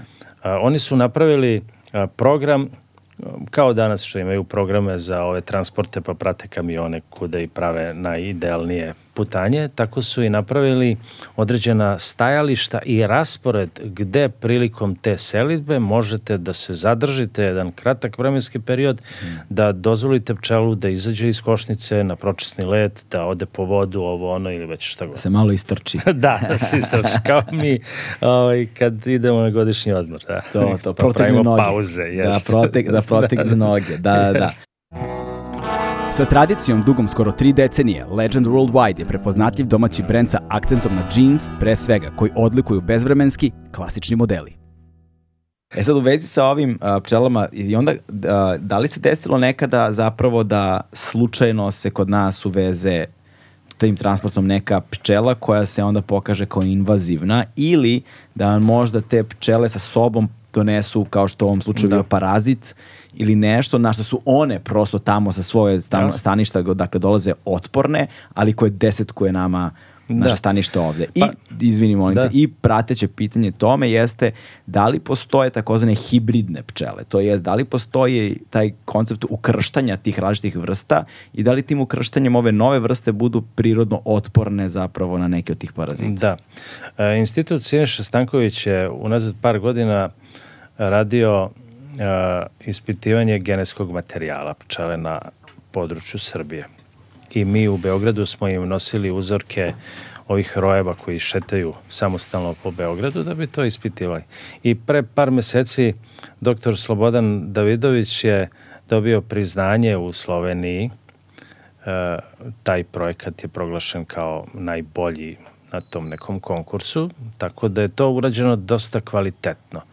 E, žao mi je što to e, nije, Slobodan je napisao jedan članak u Srpskom čelaru koji izdaje Savez pčelarskih organizacija Srbije, na dve, tri stanice ukratko uh, informisao javnost o tome, mada je to dosta opširan projekat bio, dosta stručan jezik korišten i sami pčelari koji kojima je namanjen taj časopis, srpski pčelar, prosto ga nisu primetili. A, ok, nezapaženo je prošao. Jeste. Mi mislim da bi Ja sam razgovarao sa Slobodanom, mislim da ćemo na jesen, kada prođu odmori i ove naši poslovi oko pčela, organizovati i tu mi je ideja da pozovem stručnjake iz okruženja, koji se baje, bave uzgojem, selekcijom i proizvodnjom matica. Mm -hmm.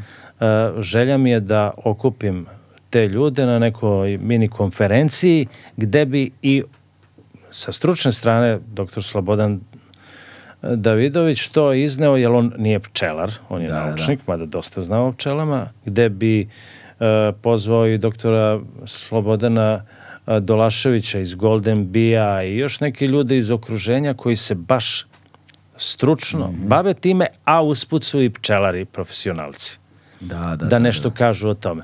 Kod nas zakonodavac zabranjuje uvoz drugih rasa pčela i mi kod nas uh, koristimo tu karniku, sivku, kako slovenci kažu, apis melliferu. E, I to je neka pčela koja se pokazala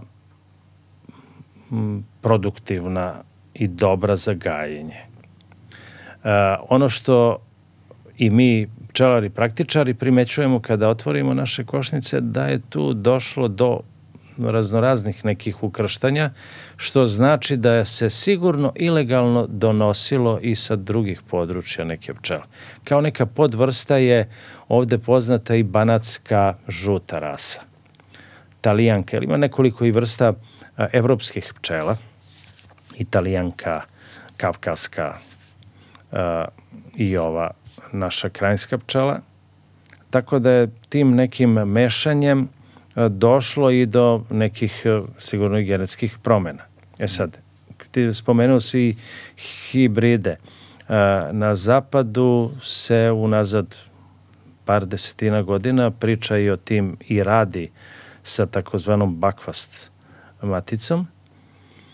To je jedna pčela za koju svi kažu da je izuzetno produktivna, da, da je jako velike prinose i tako dalje na jednom skupu profesionalnih pčelara, ja sam pitao kad je toliko hvalite, mora nešto da ne valja. Ne da. može da bude sve da Mora da bude ali. Jeste.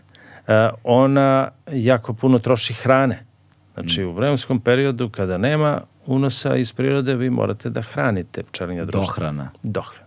Nažalost, i ovu našu pčelu, obzirom na vremenske prilike, ovaj, mi pčelari često moramo da prihranjujemo nekim šećernim sirupom. Odmah da kažem, za ljude koji nisu upućeni, e, pčelinja zajednica po nekim naučnicima, znači literatura kaže da pojede od 100 do 200 kg hrane godišnje. Wow, znači jedno pčelinje društvo mnogo. tako deluje. A, pri tome moram da naglasim da u jesenje zimskom periodu, to je tih nekih pet meseci, kada pčela faktički miruje, ajde tako da kažem, ne potroši 5 kg hrane. Znači u sedam meseci, ajde da prihvatimo da pojede 140 kg meda, lakše nam je računati. Znači, pčela bi svakog meseca trebala da potroši 20 kg hrane u sezoni. 20 kg hrane. Znači, mi pčelari ako a, nekoliko litara u toku godine i to u onim periodima kada nema unosa iz prirode, prihranjujemo naše pčelinja društva time apsolutno ne možemo da utičemo na kvalitet meda. Okay. To sam siguran. Većina početnika pčelara neće da hrani pčele, hoće da ima prirodan med. sa ovakvom dohranom apsolutno, odgovorno tvrdim, apsolutno ne utičete na kvalitet meda. Dobro Ali pospešujete dobar razvoj pčelinjih zajednica. Mm. Mi se svi trudimo da u prolećnom razvoju uradimo neke apitehničke mere da bi ubrzali koliko toliko razvoj pčelinjih društava kada dođe paša da imamo jaka, zdrava pčelinja društva. Da. Jer ako imate dve zajednice od po recimo 30.000 pčela, jedna košnica 30, druga 30. Uh, one će recimo doneti, ajde da kažem, 10 kg meda, 10 jedna, 10 druga. Ako imate 60.000 pčela na jednom mestu, u jednoj pčelinjoj društvu, ta pčelinja zajednica neće doneti 20, nego 40, 30 ili već, ali ne 20 kao što bi 10 i 10 bilo jasno, sada. Jasno, da, znači, samim tim, jer, kao što sam rekao, pčelinja zajednica i pčele su napravile fenomenalno raspored rada. Vi kada a, promenite napravite razliku između broja pčela koje treba da neguju leglo i broja pčela koje treba da donose mm. nektar, vi ste faktički dobili prinos. Ako podignete, zadržite isti broj pčela koje bi trebale da uh, donose nektar, polen, vodu, šta god, a povećate broj otvorenog legla, time ćete deo ovih pčela naterati da obslužuje to leglo pčela je kao kokoš. Da, da, da, da. Leglo mora non stop da je pokriveno mladom pčelom koja neguje to leglo. Znači, mi se tu trudimo da napravimo neku malu disproporciju u vremenskom periodu kada kreće paša, da bi, jel, kada cveta bagram, to je dve nedelje. Od toga intenzivno nedelju dana. I sve ostale biljke, relativno kratak vremenski period kada biljka cveta. To vam isto kad se tim sprema za olimpijadu. Da, da, Džaba mesec dana što su bili najbolji na svetu. Ako nisu bili najbolji na svetu, baš kad je trebala da se odigra finalna utakmica. Tako da i ovo je isto tako. Jasno, jasno, jasno, jasno. To je zapravo vrlo zanimljivo.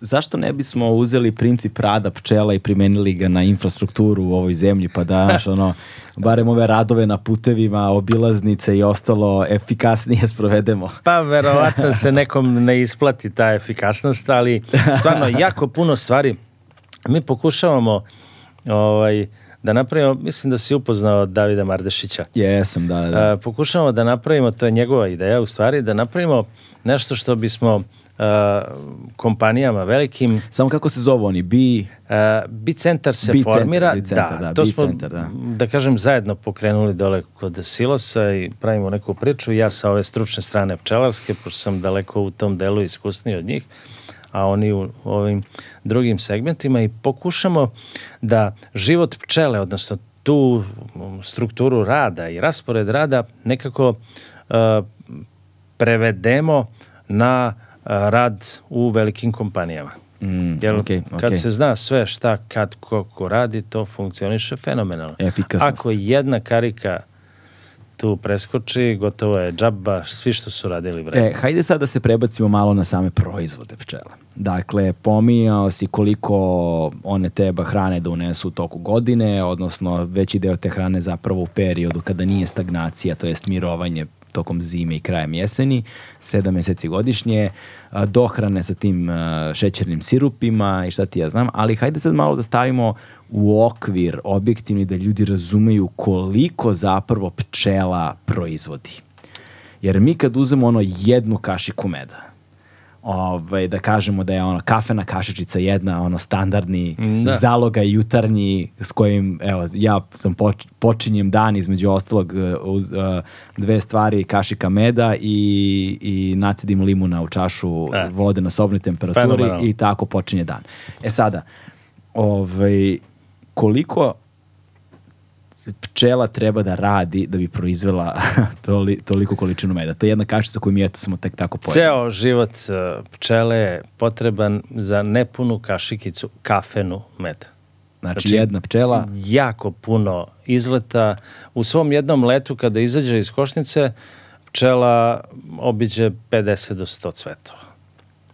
Uh, ima jedna izraka med na točkovima rađa. Zato mi pčelari koji se bavimo pčelarstvom, s vremena na vreme iselimo naše pčele. Jer tu gde se nalazi, tu je jedna vrsta bilja. Kad precveta, mi ih onda transportujemo na druge lokacije gde cveta nešto drugo i Kako, tako a dalje. kako pčele reaguju na transport? Pa, m, to je određeni stres. Zbog toga, e, to je ono baš upravo što ja stalno naglašavam, nedovoljna edukacija ljudi. Ljudi misle to natovariš, teraš i šta te briga. Ne.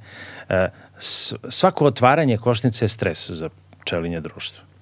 I treba mu dosta vremena. Ti otvoriš košnicu, minut, dva, pogledaš nešto i misliš tera dalje. Ne. Pčelinje i zajednici treba dosta, mnogo više vremena da se vrati u pređašnje stanje. Zbog toga i sam taj transport izaziva stres kod pčela. Mm. Kad govorimo o stresu, uh, nedovoljna hrana, znači neadekvatni pašni uslovi, takođe izazivaju stres, jer glad šta je drugo nego stres. Jasno, da. Znači, sve to nešto što obara imunološko stanje pčelinjih zajednica i samim tim su podložnije za razvoj nekih bolesti. Kada se pojavio ovaj parazit varoa, daleko veći broj parazita je trebalo da bude u košnici da bi pčelinje društvo stradalo. Danas daleko manje tog parazita u košnici negativno, odnosno likvidira pčelinje društvo. Znači, imunološko, imunni sistem pčele smo srozali. Wow. Sigurno dobrim delom i neadekvatnim postupanjem nas pčelara. A to radimo zato što smo nedovoljno edukovano. Kod nas može pčelar biti svako ko skine roj sa grane. Ja uvek kažem zašto ne vozite avion. Vi kad gledate pilota, on Da, sedne da. u kabinu, neke dugmiće tamo pritiska i ne gleda i fiju i vozi. E sada, to nas dovodi do teme, vraćati ćemo se na temu, o, ovo je veoma važna tema, ali si spomenuo a, nešto što nužno otvara jedan, ajde da kažemo, pod temu, jel te? Ovaj, a to je da mi zapravo nemamo pčelarsku školu. Da. U srednjim školama poljoprivrednim vi imate ratarstvo, stočarstvo, povrtarstvo i tako dalje, nemate pčelarstvo. Sigurno da ima po neki predmet o pčelama, ali vi nemate diplomiranog pčelara sa završenom srednjom školom. Na poljoprivrednom i veterinarskom fakultetu vi imate predmete u kojima se izučava određeni segment pčelarstva. Ali ja opet kažem, ne moraju svi pčelari biti fakultetski obrazovani ljudi. Da. Kada to budemo sveli na nivo srednje stručne spreme, onda će to biti nešto što uh, je prava stvar i iz te škole će izlaziti uh, edukovani pčelari. Tu se vraćam na ono prvo kad sam pričao o porodici Bugarski 5-20 i nešto godina, oni su od pčelarstva uspeli da naprave dobar biznis. Da. Znači, stručno su pristupili tome. Znači, mi moramo i mlađim naraštajima pokazati da se od toga može stvarno živeti, a može se živeti samo ne ako nekome poklonite košnice i date. Mm. Jel, znaš, ono pravilo čoveku daj da ruča, nahranio si ga taj dan. Nauči ga nešto da radi, naučio si ga, za, nahranio si ga za ceo život. Znači, ja stalno insistiram na tome da se jedan deo sredstava iz budžeta Ministarstva poljoprivrede usmeri na edukaciju pčelara da bi nivo našeg znanja podigli na veći nivo i da bi taj to pčelarstvo kompleksnije sagledavali. Slovenci su jesenas uspeli da svoje pčelarstvo svrstaju na uh, listu zaštićenih kulturnih dobara kod UNESCO. Wow. Zašto? Zato što oni pčelarstvu prilaze sa svih aspekata. U Slovenačkoj pčelarskoj akademiji imate četiri segmenta obuke. Jedan od segmenta obuke je i apiturizam. Znači, provedete e, turiste kroz Beograd, pokažete im košnice na hotelu Hyatt ili na nekim zgradama gde mi imamo po dve, tri košnice, odvete, odvedete ih kod Vanje Puškaša u Balkan Kužin, gde on pravi neke specijalitete na kojima ima i ovog beogradskog meda i to naplatite. Jasno, jasno, jasno, jasno. Da, Znači, da. eto ga, e, u jednom segmentu koji je vezan za pčelarstvo, apiturista, apiturizmom se može baviti, e, ne mora biti profesionalni pčelar, ali mora imati elementarno znanje od pčelarstva, ili ako već priča, o tome turistima mora nešto znati. Ne može Evo, baš biti da. needukovan. Evo predpremijerno da najavimo ljudima da smo snimili, snimamo zapravo nove epizode New Balkan Cuisina i da smo snimili zapravo već epizodu koja, jedna epizoda koja će biti posvećena samo medu. Eto, I, u, I evo baš je ekipa moja bila pre neki dan, čuli smo se, tad Da, smo da. razgovarali, bili su u Makedoniji, ovaj, ako, topla preporuka koja on nije gledao, pogledajte makedonski dokumentarni film Honeyland. Honeyland je genijalan film Više nego dobar. više nego dobar. E, bili smo kod te žene. Kod nje smo zapravo išli. Ovaj, ona sakuplja med divljih pčela. Da, da. Solit, to stvari nisu solitarne. Nisu solitarne, Nisu to su- solitarne, ali to su divlje pčele. Pa zadivljale, ajde, ili tako već kako ih kažem. Da, ajde, doći ćemo do proizvoda, Da. stićemo Da, proizvoda. da, da. Ajde sad malo se pozabavimo tim uh, takozvanim solitarnim pčelama, tim, kako kažeš, zadivljalim pčelama. Da. Objasni nam razliku. Pa, e, te zadivljale, feralne ili kako i god stručnjaci naši biolozi zovu, apidolozi, e, to je medonosna pčela koja samostalno godinama živi u Srbiji. E, mene najviše zanimaju te pčele koje žive u urbanoj sredini, pošto mi bavimo i tim urbanim pčelarstvom, imamo koštice po nekim zgradama u Beogradu. E, ta medonosna pčela samostalno živi. E, prirodna selekcija je takva da samo onaj ko može da opstane, može da opstane. Onaj koji nije sposoban za život, Jasno, da. njega nestaje i samim tim se vrši ta prirodna selekcija.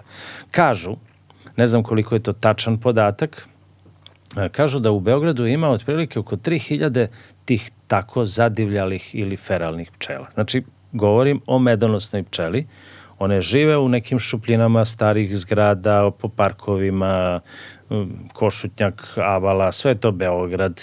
Jasno. A teh starih zgrada znamo koliko ima mnogo i one tu normalno žive. Ja sam vadio neke košnice, neke pčele e, iz recimo kutije od roletne u nekoj stambenoj zgradi. I po boji saća ja sigurno znam da je to barem od prošle, možda i od pretprošle godine u toj kutiji od roletne živala ta pčelinja zajednica. Wow. Znači, to je nešto što postoji. Odmah da kažem, med je prva liga, ukus karamele. Nosili smo uh, u Centar za ispitivanje namirnica, odnosno svake godine kontrolišemo beogradski med u Centru za ispitivanje namirnica, ovlaštena laboratorija. Dobijemo analizu i polensku i hemijsku, med je besprekorno čist. Wow. A polifloran je, ima raznovrsnog e, polena u sebi, tako da je više, Da. više nego kvaliteta. Te feralne pčele zapravo sakupljaju polen sa čega stignu. Sve. Beograd je fenomenalan. Znači, samo nekoliko vrsta lipa ima, a da ne pričamo o raznoraznom drugom rastinju, a po terasama, znači... Ljudi ima gaje sve svašta. Normalno. Prema tome, mi kad, moja žena, kad pravimo salatu, ona na terasu ubere malo nekog onog zeleniša i pospe po paradajzu. I paradajz sasvim drugačije ima ukus. Prema tome, Jasno, jasno, To je jasno, nešto ovaj, što trebamo da se naviknemo da koristimo. Wow. A kod ovih solitarnih eh, pčela, pošto one žive samostalno, eh, one su ovako, ajde da kažem, golim okom možda i neprimetne. Eh, često kad ih vidimo, dosta njih liči i na ovu medonosnu pčelu. Stručnjaci lako mogu da ih prepoznaju, to je sigurno, ali obični smrtnici teško. Uh, one samostalno žive, jako je bitno da se vodi računa i o njima.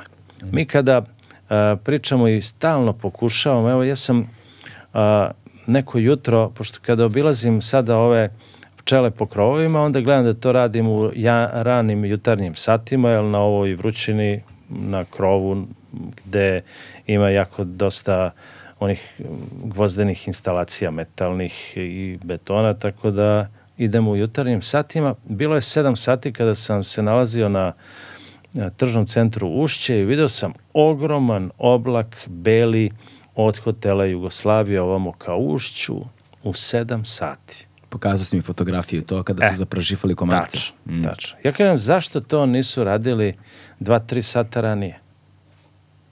Jer e, time su e, sigurno potrovali i određen broj e, medonosne pčele i drugih pčela koje žive u Beogradu. I drugih insekata. Ne mogu oni da naprave insekticid koji utiče samo na komarca. Pri tome ja kažem, čišćenjem priobalja i nekim drugačijim našim pristupom svakodnevnim bi smanjili sigurno mnogo populaciju e, komaraca. Kažu u jednoj bačenoj automobilskoj gumi da može ne znam koliko miliona komaraca da se izleže. Jer se zadrži voda, crna guma, topla, sunce, faktički napravi Idealno. idealne uslove za razvoj komarca. Znači, eto jedan od načina da bismo smanjili tu populaciju. Ali najlakše je uzeti neku hemikaliju i praviti štetu okolo. Nažalost, tako je. Nas e, pčelare, e, gradska čistoća obaveštava o terminu tretiranja komaraca i iz aviona i sa zemlje. Ali uh, ja sam uvek govorio, to isto kao sad ja kad bih rekao, je pašće atomska bomba za 15 minuta i mi kao u super što si nas obavestio. Znači, mi ne možemo da zatvorimo pčelinje društvo, jer moramo prethodni dan da zatvorimo, ne možemo uveče kada će oni krenuti da tretiraju. Po ovakvim temperaturama držati pčelinju zajednicu zatvorenu sve vreme, sama selidba, transport pčela na drugu lokaciju je dosta komplikovana. Izaziva stres kod pčela. Mm. Znači, sve to nešto što, a ja uvek kažem, ajmo samo to radite malo kasnije. Ako već mora da radite, radite kasnije. Kada su svi ti polinatori oh, već vratili da. kući čoveče, da li postoji segment ovog društva koji nije upropašćen u potpunosti? Ja stvarno, ono, znači, da, ne, da mi je da jednom sednem sa nekim stručnjakom u bilo kojoj oblasti i da kaže da je sve dobro. Znaš, to mi je ono... Ne treba, ja kažem, ne treba puno znanja. Ili barem da nemaju ono problema da. sa elementarnim zdravorazumskim stvarima. Jeste. Ovo je sve već nekog, ne, neš, negde je nešto urađeno. Mm. Znači, mi ne treba da izmišljamo rupu na saksi. Ona već postoji. Da, da. Samo da primenimo. Da, da, da. Znači, samo je to. Uh, mi smo na par tih nekih skupova pčelarskih, gde je bilo i nekih ljudi iz ministarstva, poljoprivredne inspekcije i tako dalje, uh, ukazivali na to da bi trebalo zabraniti upotrebu totala. Ne znam da li znaš šta je, to je jedan preparat koji uništava korov. I sad seljaku je, ili većinom su to ipak i vikendaši, E, daleko mu je lakše pored ograde da poprska tim totalom, jer on uništi sav korov, nego da ga kosi s vremena na vreme. E, ti kada taj total kažu da nije otrovan za insekte. Ali iza njega ostane pustinja. Da. Nema ni jedne biljke. I šta smo onda napravili? Da li je bolje nekom ispaliti metak u čelo ili ga daviti tri dana? Da, da. Znači, mi smo i na to ukazivali. Nema razloga da se to radi. Ali, nažalost, ovaj, sad mi pade na pamet ambrozija. Da, da, da. Jedna biljka koja pravi jako velike probleme. E, pogotovo ljudima u urbanoj sredini. Jer svi mi koji živimo u gradu imamo niži nivo imunitet. imunitet. Što je i logično. U takvom okruženju živimo, pa je to to. I tu ima načina da se mehanički da. može boriti protiv toga. Znači, ne hemijom, nego mehanički, ali... E, to nas sada vraća nazad na pčelinje proizvode. Zato što um, unošenjem meda a, i pčelinih drugih proizvoda, sad je, sad je tu važni kontekst naravno, kakvog proizvoda, na da li je filtriran ili nije filtriran i tako dalje, mi zapravo i pojačavamo imunitet našeg organizma uh, na uh, polenske alergije, na primer. U tom području, jasno. U tom području, zato što je to med proizveden od polena tih biljaka na koje smo alergični. jasno. Pa, činjenica, preporuka je koristiti proizvode sa lokalnog nivoa. Kod nas je to jako malo koristi. Mi i beli luk i pasulj uvozimo da. iz inostranstva, ali da ne širim mnogo priču, e, korišćenje tih e, malih lokalnih proizvođača i poljoprivrednih proizvoda je nešto što bi poboljšalo kvalitet uopšte naših života. U razvijenim velikim gradovima je unazad desetak i više godina, par decenija, ajde rekao, počeo je da biva sve interesantnije takozvane i urbane bašte. Mm gde se u nekim malim uh, džepovima, ajde, neurbanizovanom organizuju ljudi i lokalna zajednica da tu gaje određeno bilje. Da, Tako da sve je to nešto što doprinosi. Ali kod samih pčelinjih proizvoda ja sam uvijek govorio da korišćenjem meda sa područja gde živite sigurno, jer u svakom medu ima i polena sa tih biljaka. Med se pravi od nektara, ima i vrsta meda koja se pravi od one smole koju luči biljka, to je takozvana medljika, pre će ga ljudi prepoznati kao šumski med, znači to nije od nektara nego od soka koji pušta biljka, ali ovi medovi od nektara uh, u sebi imaju i polen sa tih biljaka. Mm. Po da. tom polenu se može i uh, pronaći kada se ispituje u laboratoriji geografsko poreklo, se po tom po vrsti polena može znati odakle. I kada to tako koristite, vi faktički, to su male količine, vi faktički sebe vakcinišete prirodno i povećavate imunološki sistem svog organizma na taj polen koji u okruženju vama može praviti problem. E, treba naglasiti da e, nema dobrog i lošeg meda. Ima e, pravog i falsifikovanog meda. Mm -hmm. Svaki med ima nešto svoje uh, bolje ili manje dobro za neke stvari. Recimo, bagremov med je najprijatniji deci. Zašto? Zato što je blag i deca ga lako konzumiraju. Neki šumski med ima u sebi određenu gorčinu i sigurno ga dete nerado će konzumirati. Opet on ima blagotvorno dejstvo zato što u sebi ima jako puno mineralnih materija, to jače organizam krvnu sliku poboljšava i tako dalje. Lipov med je dobro koristiti u večernjim satima, jer smiruje organizam, tad idemo na spavanje. Znači sve to nešto, svaki med ima nešto svoje, kako, kad me često pitaju koliko i kako da koriste med, ja sam uvek govorio koristite onako kako vam odgovara. Neko da. voli da pije hladnu vodu, neko pije mlaku vodu. Znači, kako ti odgovara? Neko u E, želucu ima višak želučane kiseline, neko ima manjak. Ono što naglašavam stalno, a što kod naših ljudi većinom stvara pogrešnu sliku o kvalitetu meda, to je, kako narod kaže, ušećeren med. Prirodno svojstvo meda je kristalizacija. Falsifikatori nisu još uspeli da naprave falsifikat koji se kristališa. Mm. Znači, kad vidite kristalisan med, sigurno uh, je med prirodan. Sigurno znači, prirodan. To je to. Šta je još dobro kod konzumiranja kristalisanog meda? Vi kada uzmete kašiku kristalisanog meda, vi ga mnogo duže zadržite u ustima nego kada onaj tečan med kao što je bagrem progutate brzo.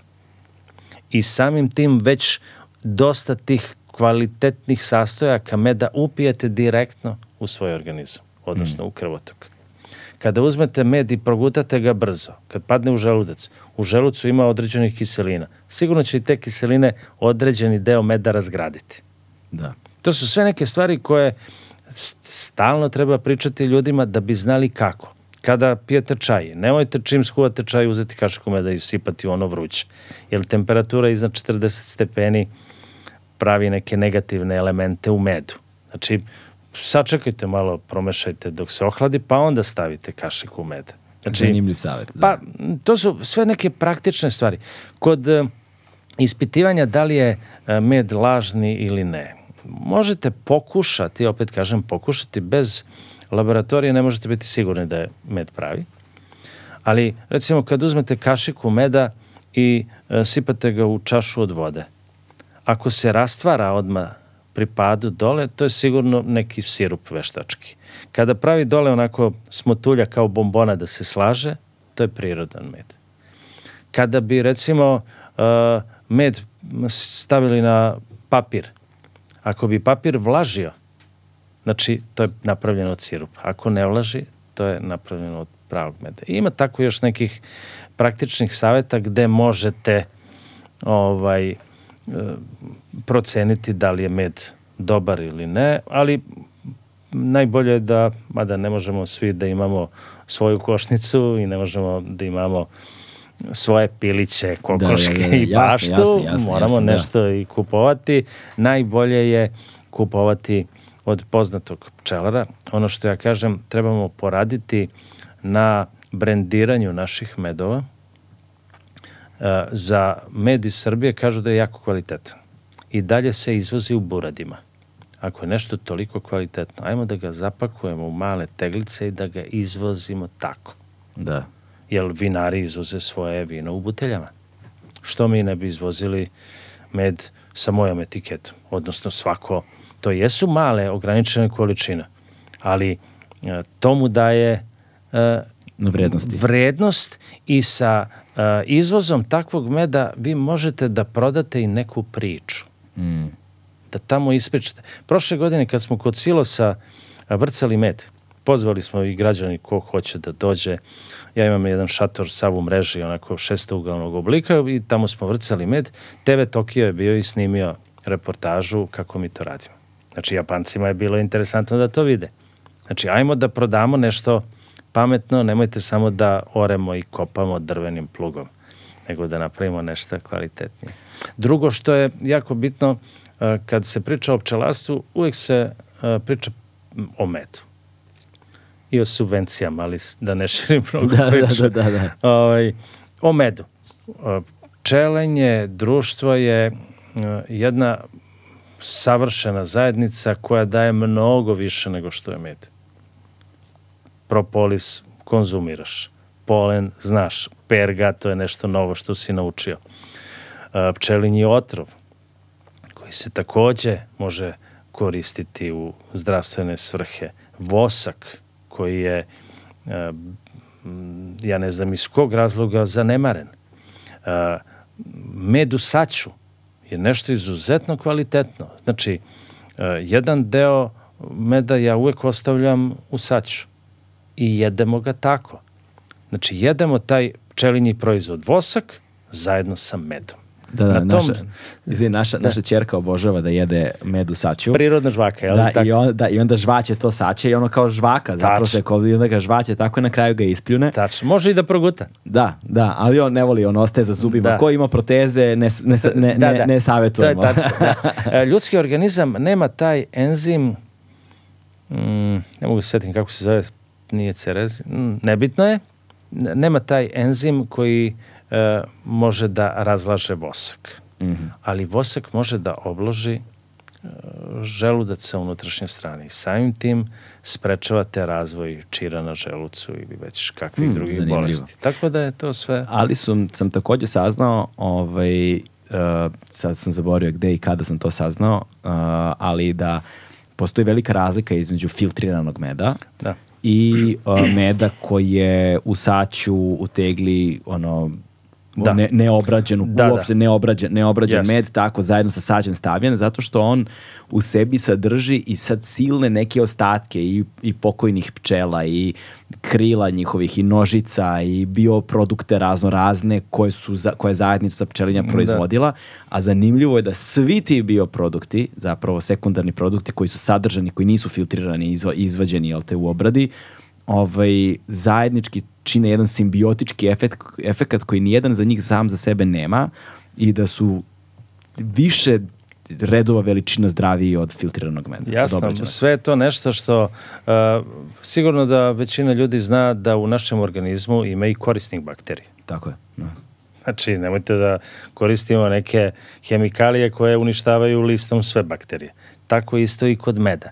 Logično, za komercijalno bavljanje pčelarstvom daleko je lakše koristiti svu tu aparaturu kod vrcanja i filtriranja i tako dalje meda. Uh, ali ovako za neke svoje i ekskluzivne stvari, a ja stalno potenciram na tome. Mi smo mala zemlja. Učili smo, učili su nas uvijek da smo jako bogata zemlja, Da, ali da. mi smo siromašna zemlja. A, mi treba da iskoristimo to nešto kvalitetno što imamo i od Mm. tog kvalitetnog da napravimo nešto. Manuka med sigurno nije toliko bolji od suncokretovog meda, ako je i bolji, ali je napravljena priča oko njega. Suncokretov med a, je med koji je izuzetno kvalitetan, ima jako puno polena u sebi, brzo kristališe i zbog toga nije popularan na tržištu kod nas i sramotno mu je niska otkupna cena. Mm. Znači, to su u stvari zašto? Zato što se ne priča o tome da se dočara ljudima koji on u stvari kvalitet ima. I mi kad propagiramo korišćenje meda, mi e, najviše se o tome priča zimi. Jer se javljaju raznorazne prehrade, bolesti i to. Med treba da se jede kao hrana, da se ne bi koristio kao lek. Tako je, da, odnosno preventivno. Tačno. Mm. I, I svi ovi drugi pčelinji proizvodi. Ja najviše volim propolis da koristim tako što u kafenu uh, šoljicu stavim dve, tri kašike meda, nakapam desetak, 15, 20 kapi propolisa, pomešam i tako pojedem i propolis i med. Često deci propolis sipaju na kocku šećera.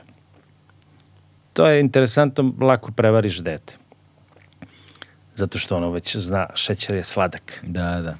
Ali ako mu prvo date koricu hleba i na to nakapate propolis, ono će to zavaleti.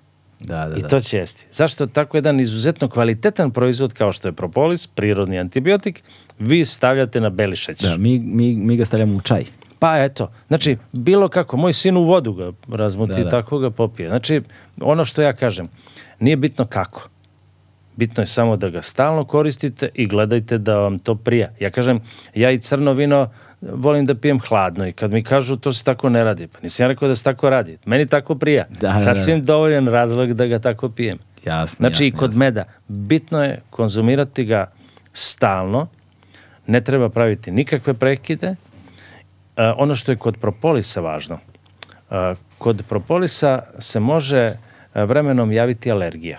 Ja to nisam znao do pre nekih par godina na jednom skupu u Vranju Uh, bila je jedna gospođa iz Nemačke sa nekog instituta koja je baš pričala o propolisu i rekla je da su primetili kod pčelara, jer mi pčelari koji se duže niz godina bavimo pčelarstvom ne koristimo rukavice. Kod mene ćete često primetiti crno ispod noktiju. To nije prljavo nego propolis. A to je smolasta materija, teško se čisti. I onda ja često imam ostatke propolisa pod nokama, Da. noktima.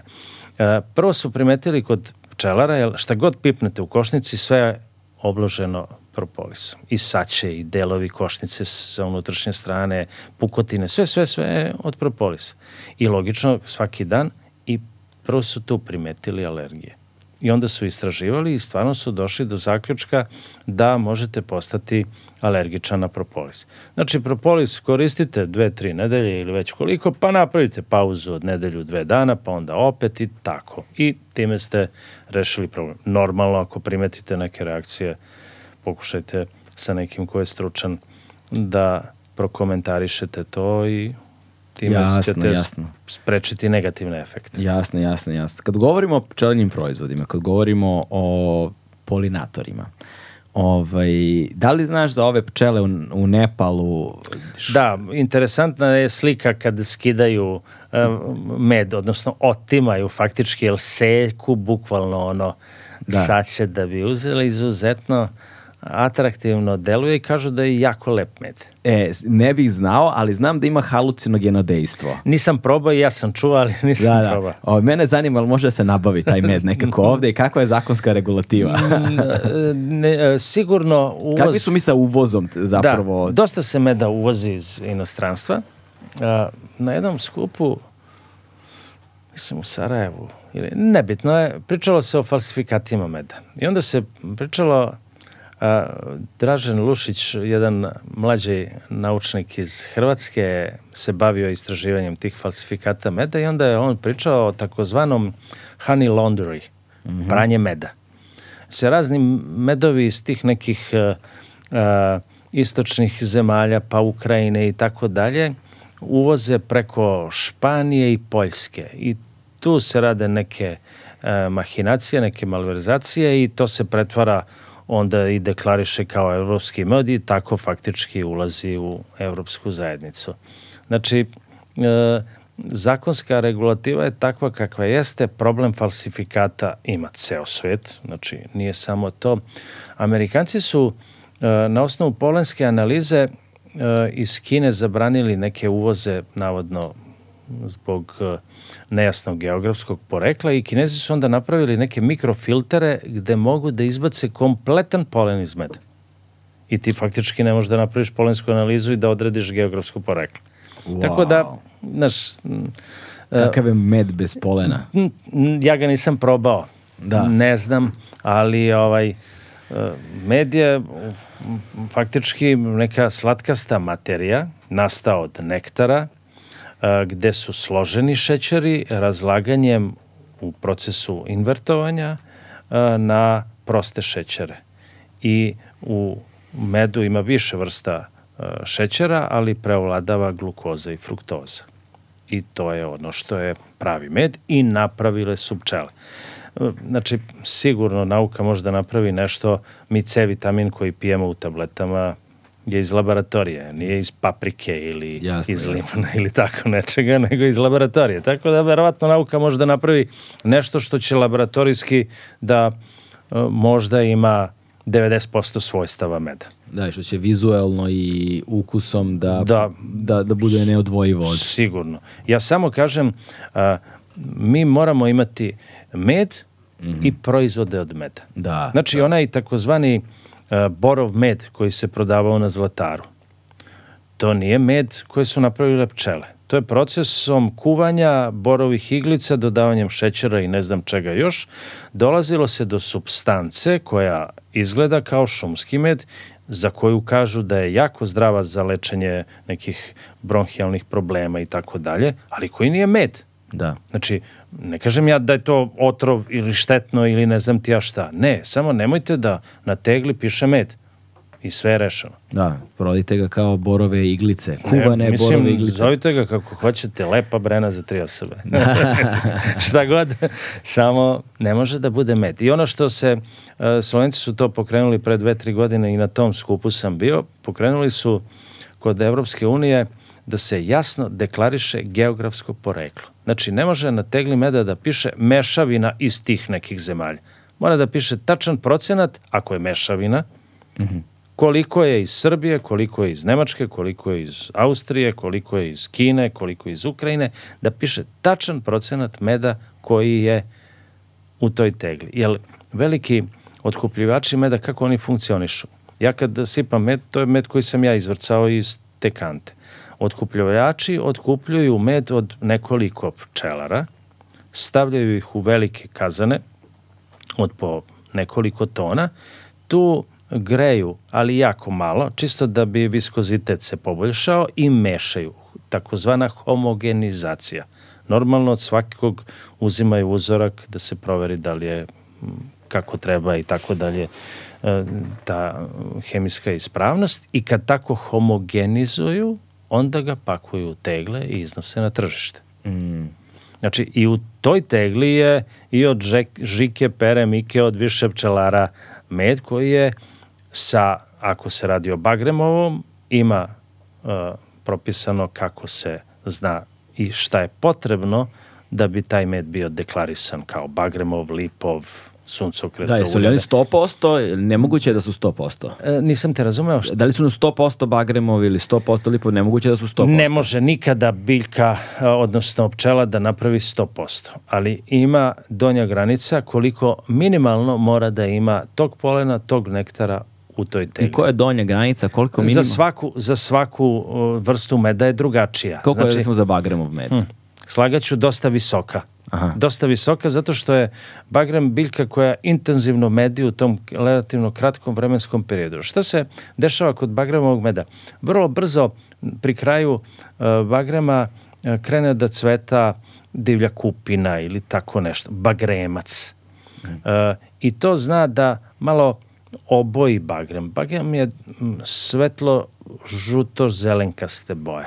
Mm, Takav okay. Okay. Kada uh, bi ga vi zadržali u košnici određeno vreme, a držimo ga u košnici i kad se završi paša, da bi pčele dovoljno preradile med. Jer u nektaru, recimo u Bagremovom, ima i 80% vlage. Med prve klase mora da ima ispod 20% vlage. Idealno je 18, 16 i ispod 18, ali ispod 20 med je prve klase. Da bi pčele izbacile tu vlagu, treba im određen vremenski period. Kad su loše pašne prilike i malo unosa, onda i kad je vlažno, kao što je ove godine. Ove godine, recimo, bagremov med ređi nego prošle godine. Ima veći procenat vlage.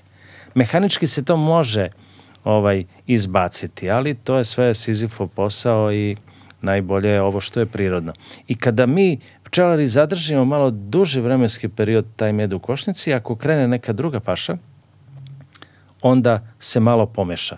To ne znači da je med loše kvaliteta, daleko od toga, jer ja sam uvek govorio poliforan med, polifloran med kakav je ovaj, recimo, gradski med, po mene je daleko kvalitetniji, jer u njemu ima raznovrsnog bilja, samim tim uh, daleko veći broj tih nekih kvalitetnih substanci. Da, s ovom prilikom želim da pozdravim svog kuma Momčila koji uvek insistira na tome da unosimo namirnice sa podneblja u kojem živimo. Tačno. Zato što ekosistem u kojem se nalazimo je ekosistem od kojeg smo mi kreirani i svoj imunitet pojačavamo unošenjem substanci iz sobstvenog ekosistema, a ne ono himalajska so. Da. Znači, Ne sumnjam ja da je himalajska so Da, da. zdrava i da je sjajna. Jasno, ima rok trajanja dve godine, a stara je milion godina. Da, da, da, da, da, da, da. da. So e, ne može da, ovaj, da se upuća. da. Pa, nažalost, ovaj, mora da se na tim nekim proizvodima deklaracije su takve gde moraju određeni podaci da se napišu. E, med, e, i to je nešto što recimo naši pčelari ne znaju, ja stalno pričam o edukaciji, o svemu tome, vi napravite jedan jako dobar proizvod i onda ga neadekvatnim čuvanjem pokvarite.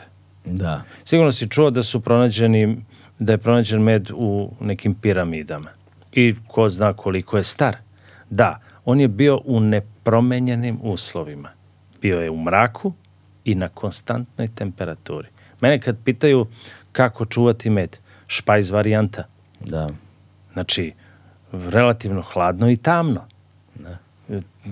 Ni pekmez ne držite na prozoru gde bije sunce i Tako je, grez, jer tako će je. se pokvariti. Prema tome i ovo je živa materija koju lako možete upropastiti. Jeste. Tako da, Da. To, ali sve to masa ljudi ne zna i zato se treba non stop pričati o tome da bi se došlo do nečega što je kvalitetnije i širiti priču pčelarsku. Mi smo, uh, Jovan Živanović je uh, preteča tog nekog uh, racionalnog pčelarstva u Srbiji. I on je 1008, ne mogu da se setim tačno koje godine, a, a, postavio katedru pčelarstva na Bogosloviju u Sremskim Karlovcima. Ta katedra i tu se jako puno a, sveštenih lica obučilo za pčelarstvo. Mm. Redko koja ma, crkva, manastir da nema svoj pčelinjak. Treba im vosak za sveć, recimo, i da. to je nešto što je e, poguralo razvoj pčelarstva. E, ta katedra je prekinuta na početku drugog svetskog rata i počelo je ponovo 2020. godine, ali samo kao fa fakultativni predmet. Ja se nadam, pitali su me da li sam zainteresovan da ja dođem da ispričam nešto i o ovom urbanom pčelarstvu kojem se normalno da hoću. Čekam i zvaničan poziv i bit će mi veoma drago da budem i tamo da nešto ispričam. Inače, tu u Sremskim Karlovcima, to je jako blizu, ima muzej pčelarstva, praunuk Jovana Živanovića, Žarko Živanović je napravio izuzetno lep muzej, usput ima i svoju vinariju. Znači, moj favorit je šmizla belo vino koje liči onako šardone varijanta. Ovaj, tako da možete čuti dosta toga o pčelarstvu, videti eksponate koji su stari ko zna od kada i čuti, Žarko to jako lepo zna da ispriča i usput degustirati neko vino. Neko belo vino. Eto, pa. Eto izleta. Da. Eto izleta. Tačno. Eto izleta. A može cijelu- se biciklom otići. E, ovaj, hajde sad da porazgovaramo o urbanom pčelarstvu. A, prvi put kada sam se sreo zapravo sa tim konceptom, ima sad već godina tome, a, ne samo urbano pčelarstvo, pre svega to bio urban farming. A, video sam nešto neobično. Bio sam u Americi, u Čikagu smo bili i u a, jednom um, nekada getu, koji i dalje onako prilično getoiziran deo grada, ovaj, koji je bio predviđen za gentrifikaciju takozvanu, jel te, da upropaste u potpunosti taj deo grada, ovaj, a, koji je već bio upropašćen na različitim so, drugim društvenim nivoima, institucionalizovanim nivoima. Ovaj, a, protestima su se nekakvim izborili da te sad srušene zgrade, da se tu ne dignu ne znam koji kompleksi korporativni i šta ti ja znam, nego su zaštitili, uspeli su da odbrane taj deo, gradili su to zemljište, jel te, gde je nekada bio taj blok zgrada i šta su počeli da rade? Na, na zemlji, odnosno kako se to kaže, nanuli su dakle gomilu zemlje, jel te. Da bi se moglo nešto ga i gajiti. Tako je i počeli su da uh, rentaju parcele. I sad ti živiš ono baš ono pravi izaberi, ne znam, ono, ko na Voždovcu sa nekom na blokovima na Novom Beogradu, negde izaberi tako. A, rentaš sebi ono sad metar sa metar ne znam koliko košta pa sad ti rentaš sebi koliko ti koliko želiš i sad koliko ta renta. Nisam baš ulazio u detalje ali mi je bilo zanimljivo da vidim kontrast jednog takvog urbanog življenja sa nečime što apsolutno ne, ne doživljavaš kao urbano Ovaj, I sad viš mlade hipstere, uglavnom neke koji kao ono, okopavaju tu zemlju i gaje tu sad svašta nešto, povrće, voće, imaju svoje gaje. Ovaj, imaju način koji štite to od, od spolješnjih uticaja. I tad sam gledam i rekao, vidiš što ovi rade, kada, pa, vidiš, šta, vidiš što ovi rade, neko, neko mi je u tom trenutku rekao urban farming. Tad sam prvi put čuo. Ovaj, I kasnije sam saznao iz urbano pčelarstvo i svašta. To su sada već godinama rastući pokreti, vrlo zanimljivi pokreti. Uglavnom se dešavaju na krovovima nekih zgrada, da. tu, sam, tu sam uglavnom viđao, ovo je bio izuzetak neki koji je bio baš na nivou na automobili prolaze pored. Ovaj, ali uh, objasni nam šta je zapravo urbano pčelarstvo, um, uh, koje su najveće zablude u vezi sa urbanim pčelarstvom i, ovaj, uh, i da li je to budućnost života u gradovima? Pa, uh, to je nešto što nisam ja izmislio. Znači, video sam u svetu šta rade i pre, ja ne znam tačno koliko godina, uh, u, mi smo se družili ranije u Beograđanki. Na šestom spratu smo imali okupljanja, predavanja, druženja i tako dalje i tu sam izneo tu svoju ideju. Svi su me ono, odnosno par ljudi me ovako pogledalo, ostali me nisu ni čuli. A kada je to bilo? Pa mislim pre jedno 7-8 godina. Da, otprilike kad sam ja video ovo prvi put, da. E, no, međutim, ja sam bio uporan i jedne godine, 2018. sam dobio poziv od francuske ambasade da postavimo kod njih dve košnice. Ti pregovori su trajali dosta dugo, jer zakonska regulativa kod nas nije baš najpreciznija. Oni su ljudi hteli da to sve bude onako kako treba, ali smo ipak 2019. godine počeli sa tim projektom zelena ambasada, kako su ga oni nazvali.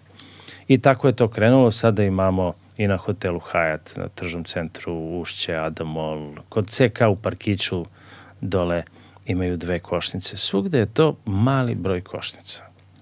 E, nije moja ideja bila da napravimo čelinjake u Beogradu da bismo ubirali med bez obzira što su prinosi u tim košnicama veći nego u ruralnim sredinama. To odgovorno tvrdim, zato što ja to radim. E, ideja mi je bila da približim taj svet pčela ljudima gradskoj sredini. Moja generacija je imala dedu babu na selu. Današnja generacija, nažalost, redko. Da. E, kako im nešto približiti ako im ne doneseš da vide? I da od toga napraviš neku interesantniju priču. Uh, bio sam dosta uporan, srećao sam, sretao sam se sa jako puno problema, neverica, podcenjivanja, podsmeha i tako dalje. Pretežno od uh, pčelara koji misle da se ozbiljnije bave tim pčelarstvom. Pri tome, ja sam uvek koristio priliku, medonosna pčela je interesantna i većina ljudi zna Ali ja uvek koristim priliku da uz to ispričam još nešto. Da ispričam o korišćenju pčelinjih proizvoda. Da ispričam i ovim solitarnim pčelama koje su jako bitne uh, za ekosistem. Uh, ja kažem, uh, ja kada se organizuje neki festival uh, pčelarski, ja u rancu ponesem i vodu i sendvič. Zašto? da bih mogao sve vreme da sedim da slušam sve predavače koji su tu. Nije mi cilj da idem na pljeskavicu. To da. mogu i kad dođem kući. Tako da sam time pokušao da privučem, prvo sam uspeo da privučem medijsku pažnju, što mi je bilo jako važno, jer, znaš, nekada kad se čitale novine, uh, u papirnom obliku, onda je bilo govoreno ako nije izašlo u politici kao da se nije i desila. Da, da, da. Danas ako nije izašlo na društvenoj mreži ili se pojavilo na nekoj televiziji, malo ko zna. I time sam prvo privukao pažnju i onda sam mogao da jasno i pričam o tome. Tu priču širim na teritoriji cele Jugoslavije. I sada o našim ovim aktivnostima znaju od Slovenije do Makedonije. Mm. Slovenci su dosta toga uradili i učestvovao sam na par nekih manifestacija koji su oni organizovali i prihvatili su me, vidim da su me razumeli. Bez obzira što su i oni iz početka sa nevericom gledali na to šta ja radim, ali su vrlo brzo shvatili da ja to hoću da stvarno ozbiljno radim. Šta je najvažnije od svega što pričam kada govorim o urbanom pčelarstvu? Jer mnogo ljudi je usput posle par godina kao, e, daj, ajde, mogu ja to da radim. Ne možeš. Zašto? Zato što to ne znaš da radiš. Jel ne znaš da voziš auto? Pa sam da se voziš možda i možeš, mada i to problematično. Ali da voziš još nekoga, ne. Znači, uh, tom poslu treba pristupiti jako ozbiljno. Izuzetno je interesantan. Mi smo na te pčelinjake dovodili decu. Normalno obučujemo im pčelarska odela i ne radimo ne znam ti ja kakve egzibicije sa pčelama da bi eventualno nekog pčela i bocnula. Mm. Uh, znači, maksimalno smo pri svemu tome oprezni, ali opet kada postavim dve košnice recimo na hotel Hyatt, većina ljudi mene postavlja pitanje, jao pa kako možeš pa da nekog ne napadnu. Čekajte, pričamo da u Beogradu ima oko 3000 zadivljalih feralnih pčela. To su isto pčele koje žive u nekom svom staništu. Nije ova košnica koju koristim ja, ali njih niko ne korist, niko ne kontroliše. Niko, ni taj ko je to brojao, nije našao za shodno da ih obeleži ta mesta. Da. Znači, jel nije bilo logično taj već ko je radio tako nešto, da je stavio neku tablu. Ne visok napon, nego ovde se nalaze pčelinje, društvo, pa da ispriča, da napiše na tome nešto što će vam privući pažnju i podstaći vas da kad dođete kući izguglate nešto i da naučite nešto o tome. E to mi je bio osnovni cilj da pažnju javnosti privučem, da bih mogao da ispričam tu neku pčelarsku priču koja ima jako širok, široku lepezu mm. delovanja, znači i da se obratim ljudima koji nikada neće biti pčelari, ali da znaju kako da koriste pčelinje proizvode. I to sve, ne samo med, i to cele godine, a ne samo kad su bolesni. Yes. Da nauče nešto zašto je pčela važna. Mi svi pričamo važnost eh, pčela kao polinatora i tako dalje, pri tome malo ljudi zna da nije samo medonosna pčela polinator. I slepi miš je polinator. Da, da. Znači, i to je nešto što ja nisam naučio u školi. Naučio sam kroz druženja, slušanja nekih predavanja i tako dalje. Znači, to je ono što sam hteo time da naglasim da edukacija, samo znanjem možemo i u ruralnim predelima, gde se ljudi stvarno profesionalno bave time, da nauče nešto, Osnovno što sam uvek ukazivao kod urbanog pčelarstva je pravilnim postavljanjem košnica, pravilnim rasporedom košnica na paši. Mi možemo da povećavamo prinose po pčelinjem društvu. Šta je pravilan raspored? Znači, e, jedna biljka, odnosno jedan hektar neke biljke da određenu količinu nektara. Ako vi e, donesete tu 10 košnica ili 110 košnica, sigurno rezultat po košnici će biti različit. Da, da, Logično ako donesete manji broj da će biti bolji rezultat. Uh, Savez pčelarskih organizacija Srbije je pisao, mislim, 2010. godine strategiju razvoja pčelarstva. U tom tekstu sam pronašao podatak da je iskorištenost pčelinjih paša svega 3%. To je katastrofalno malo. Zašto je iskorišćenost paša mali? Zato što na nekoj lokaciji je prenatrpano sa pčelama ove medonosne pčele. Mm. Time imate e, barem dva negativna, a više negativnih efekata. E, prvi je, imate povećane troškove, jer transportujete bez veze košnice, a smanjen prinos. Drugi je, e, prenos bolesti između pčelinjih društava je logično rizik je povećan. Treće, umanjujete hranu onim polinatorima koji su tu već živeli, a koji nisu medonosne pčele. A koje isto treba da se hrane na tom da, području. Njih ne možemo da selimo. O tome niko ne razmišlja. Jer i to je jako bitno. Znači, e, ja ne idem više na Frušku goru, recimo. Jer svake godine se dešavaju ekscesi, pčelari se između sebe posveđaju, jer obeležite mesto gde ćete doneti svoja pčelinja društva, kada dođete tog dana vidite da je u blizini neko postavio svoje pčele. I sad na jednoj lokaciji koju ste vi procenili da je dobra, sad više nije dobra, zato što je došlo još ljudi sa mnogo koštica. Uh, ja sam se pre 3-4 godine ili tako nešto pomerio i pokušao sam da uđem kroz šumu u Fruškoj gori registrovanim šumskim putem na jedan proplanak gde nikoga nije bilo. Da bih dobio kvalitetniju pašu. Pri tome sam pocepao ciradu na kamionu. Ja kažem, zašto se deo subvencija registrovan put? Znači, nisam ja išao šumom bez veze. Znači, da, da. put registrovan, šumski put. Još smo mi sekli neko granje. To je, tako je zapušteno kao tunel jer se drvo, drveće nagnulo na tom putu. Grane se, da. Grane se, jest. Uh, znači, zašto se iz uh, tog dela koji je odvojen za razvoj pčelarstva ne odvoji deo da se urede ti putevi? Na Novom Zelandu transportu isplate im se helikopterom da određeni broj košnica premeste na neko mesto. Znači, to im se isplati. Da, da. A nama se ne isplati da pročistimo put. Znači, jasne, jasne. to je sve, e, znači, te neke stvari iz urbanog pčelarstva ja pokušam da ukažem da se takvim ponašanjem može dobiti bolji rezultat i u ruralnoj sredini. A da ne pričam o tome, mi smo par puta po tim nekim kompanijama vrcali med u njihovim prostorijama gde su ljudi dolazili da rade zajedno sa nama. Da vide kako to ljudi nikad nisu videli. Masa njih nije nikada videla.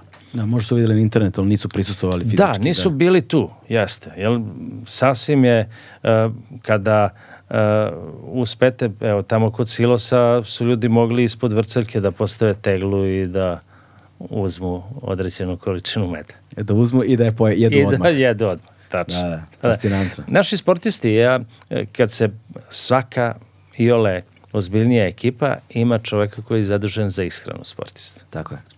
Nisam čuo da nešto pričaju preterano o pčelinjim proizvodima. Svi pričaju o nekim suplementima i nešto. Pa, zašto se ne bi deo pčelinjih proizvoda? Perga o kojoj smo pričali malo pre je e, kao ona konzerva što kupuju bilderi. Da. E, samo je sve prirodno. Mm. Znači, zašto to ne koristite? Šta, šta od perge može da se pravi?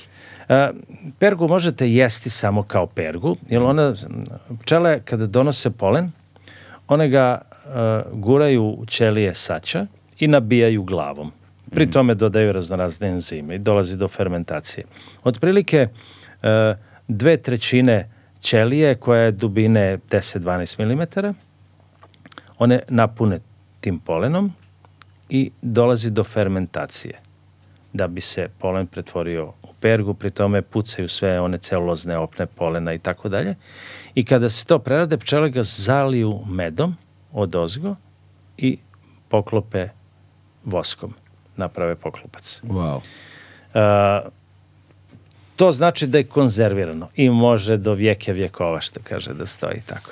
Vi kada uzimate, malo je problematično tu pergu vaditi iz saća, ja to donesem kući pa žena da. sedne pa čupka, pergu možete koristiti... A to mora zapravo i svake ćelije... I svake ćelije mora da se izvadi. Izvadi, ono, pincetom nekom Jeste. nešto. Da. Ima posebna zumba, mislim, ima par načina na koji možete to da radite. Ne ide brzo, ali vredi. Vredi, da. Vredi. To možete konzumirati tako zrno po zrno Jer to je, čak kad izvadite taj deo iz ćelije, vi vidite razne slojeve, jer su pčele u raznom trenutku donosile različite polene, pa su različite boje. A, I tačno možete da vidite onako slojeve kako su, kad biste uzeli lupu, mada i golim okom se vidi, ali pod lupom fascinantno izgleda. Da, da, da, da. I to možete jesti tako što ćete uzeti i pojesti, a možete E, iz, mi obično izdrobimo u avanu i pomešamo sa nekim medom koji se brzo kristališe. Mm -hmm. Ako bi, ja uvek preporučujem sve što mešate sa medom, a mogu se razni izrnesti proizvodi o, o, voće koristiti e, ovaj, u mešavini sa medom. Sve što mešate u med, takvih nekih proizvoda, treba stavljati u med koji se može kristalisati relativno brzo. Zašto? Ako bi tako nešto, pa i pergu, e, razmutio u bagremovom medu, sutradan kada bi uzeo tu teglicu, bio bi med zamućen u ovom većem delu, ali gore bi bio kao kajmak, onako jedan sloj gde je veći procenat te mešavine isplivao. A, okay, da. Kada mešaš u med koji se relativno brzo kristališe, da li je to cimet, da li je to orah, badem, suvo grožđe ili šta god, Kada to mešaš u med koji se kristališe, onda to što si pomešao, prilikom kristalizacije se ravnomerno rasporedi. I ti kada uzmeš kašiku, ti si uzeo sve. Da, da, da, da, da. Ovako, kad bi to radio u bagremovom, ti bi uvek morao da ga promešaš malo kašikom opet, pa da izvučeš da ne pokupiš baš veliku koncentraciju te mešavine. Mm. Je zbog toga, tako isto i pergu. Mi pergu obično ili u suncokretov ili u med uljene repice pomešamo jer se oni brzo kristališu i to tako se onda može i koristi. Normalno možeš dodati i propolisa ili već nekoga i to ovu tinkturu. Ja preporučujem uvek alkoholnu tinkturu e, propolisa. U apotekama može da se kupi e, propolis rastvoren u e, propilen glikolu. Mislim mm -hmm. da sam tačno rekao. Propilen glikol je naftni derivat. Obično to deklarišu kao rastvor propolisa za decu. Jer, bože moj, ako dete uzme pet kapi propolisa rastvorenog u alkoholu, postaće alkoholičar. Pa onda koriste naftni derivat kao rastvarač propolisa i to daju deci. Propilen glikol može za spoljašnu upotrebu, ali za oralnu upotrebu ja odgovorno tvrdim da ga ne treba koristiti. Mm, okay. Prema tome, e, rastvor alkohola i to 65 do 70 postotni alkohol. Za divno čudo, e, svojevremeno sam ja rastvor propolisa radio u 98 postotnom alkoholu. Jer sam smatrao jači, jača koncentracija bolje će se rastvoriti. Međutim, pre jedno deseta godina sam došao do informacije i tačna informacija i od tada to koristim.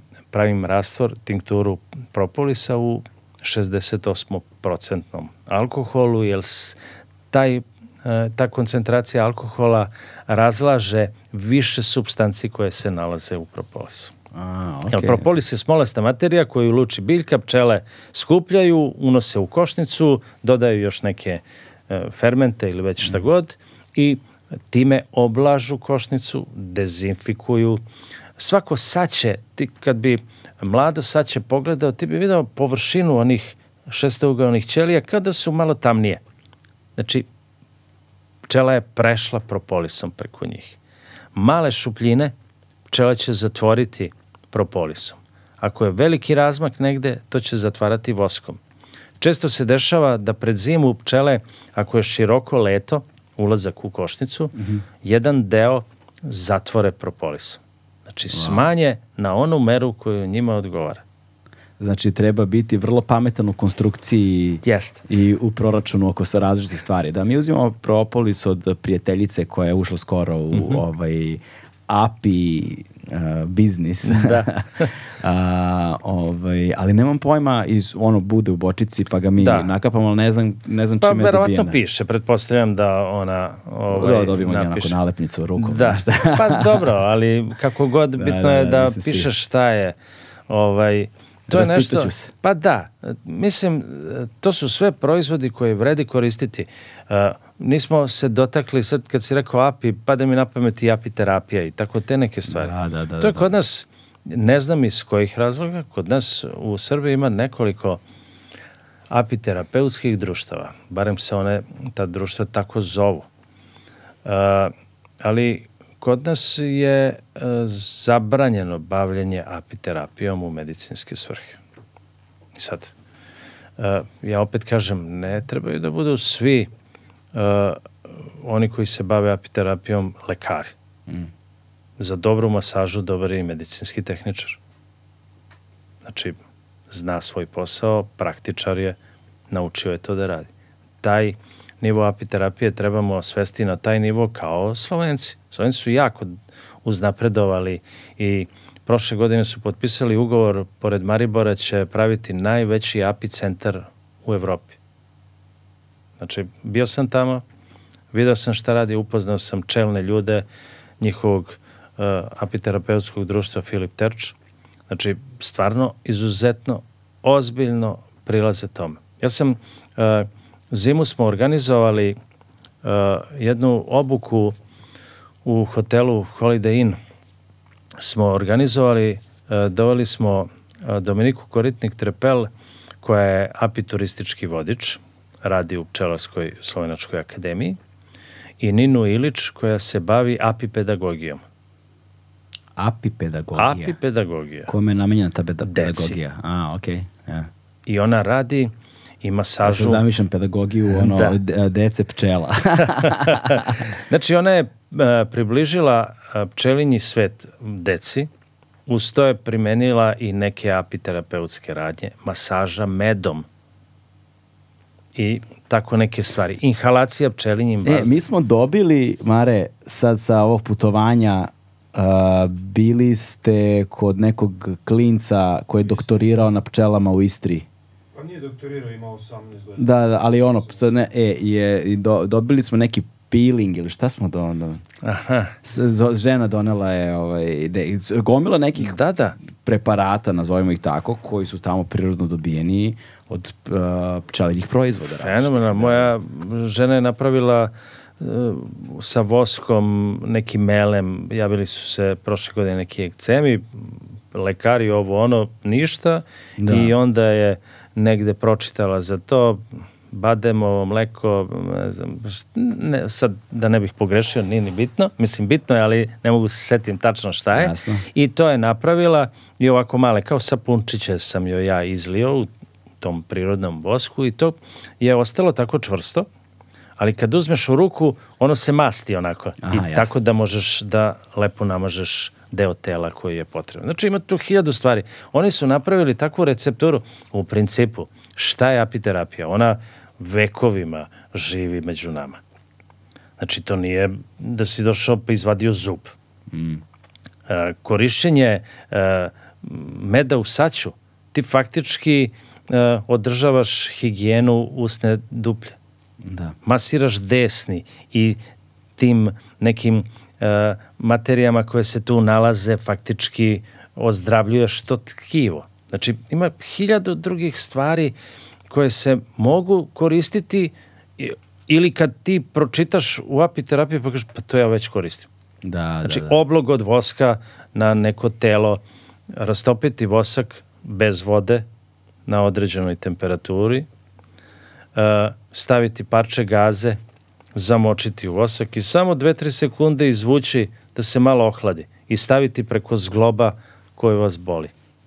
I time ste već cirkulaciju poboljšali i ozdravljujete taj deo tela. Znači, to su sve neke apiterapeutske radnje. E, ne možete da operišete ne znam ti ja šta sa time. Da. Ali sa svim tim nekim radnjama ima i daleko ozbiljnijih stvari u apiterapiji, a gledao sam to kad sam bio u Maribaru.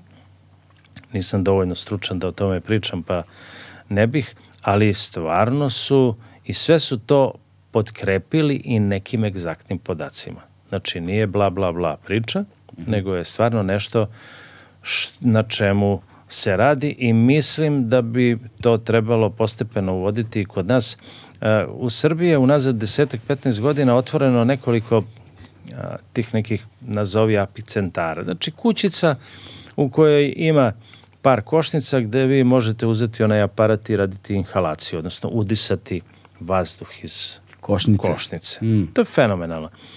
Ja kad otvorim košnicu pa kad se nagnem već je to jedan vid Koji je, ko, šta, šta je fora sa vazduhom iz Pazi, košnice? u njemu, uh, unutra ima voska, ima propolisa, ima mleča, ima perge, polena, znači ima svega.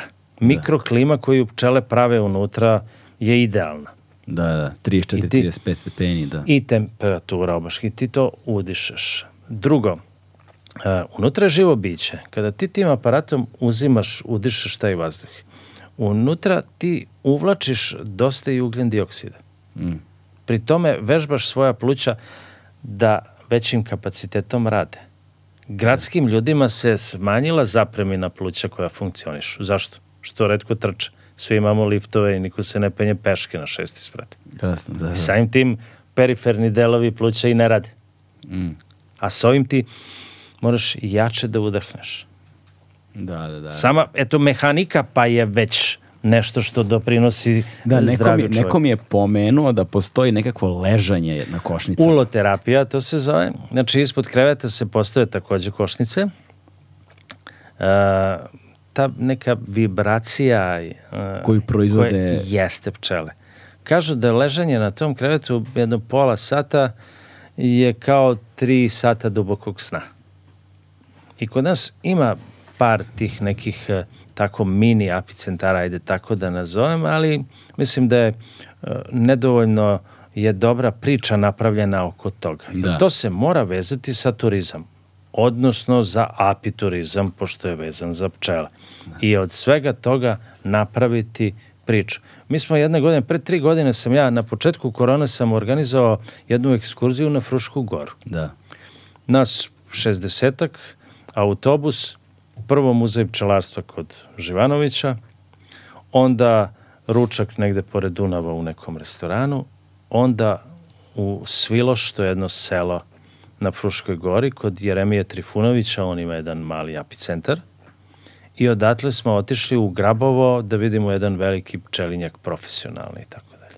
I svi su bili oduševljeni Da. provodom. Poslužilo nas vreme, probali i vino, probali i med, ručali pored Dunava, kućiš lepše. Pazi, ne bih ja baš ovaj, menjao tri sata dubokog sna za ležanje na košnicama, odmah ti kažem, ovaj, malo sam tu skeptičan, ali siguran sam da znaš, za, ova, na samu zamisao efekat Prijatno. zvuči vrlo prijatno. Da, Jeste. zvuči vrlo pri- prijatno i svakako da izmena ambijenta u kojem se osjeća, iz, izmeštanje u ambijent u kome se osjećaš prijatno i boraviš neki vremenski period izolovano, svakako već ima dobar efekat, Jeste. povoljan efekat po tebe bez obzira Jeste, na... pogotovo u tom prostoru se i osjeća taj miris iz košnice, jer obično se sa strane ostave neki zamreženi delovi da bi sam taj prostor odisao tim To bi, bilo, to bi bilo zanimljivo probati. Interesantno. Pa, pa, savjetovat ćeš me da ima pa da odem da. Um, u, ideja je Davida Mardešića dole kod Silosa da se pravi jedan mali apicentar i krenulo se malo ozbiljnije u svemu tome, tako da nadam se da ćemo sledeće sezone moći to da pokažemo.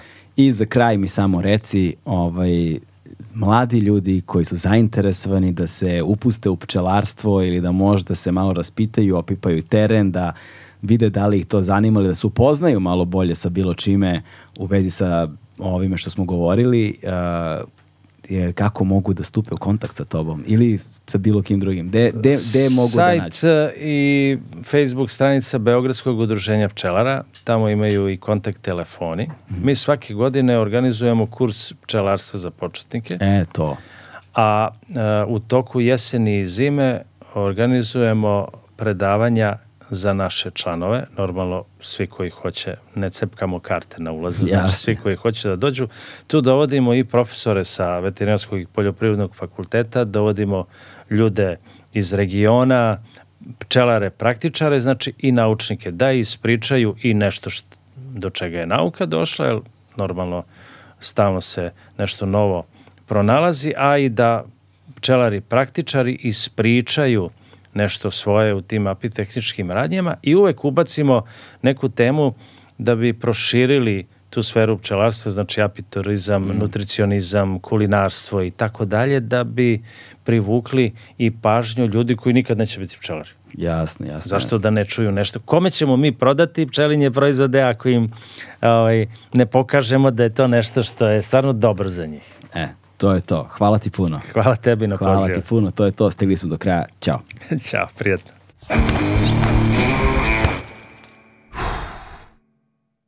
Hmm.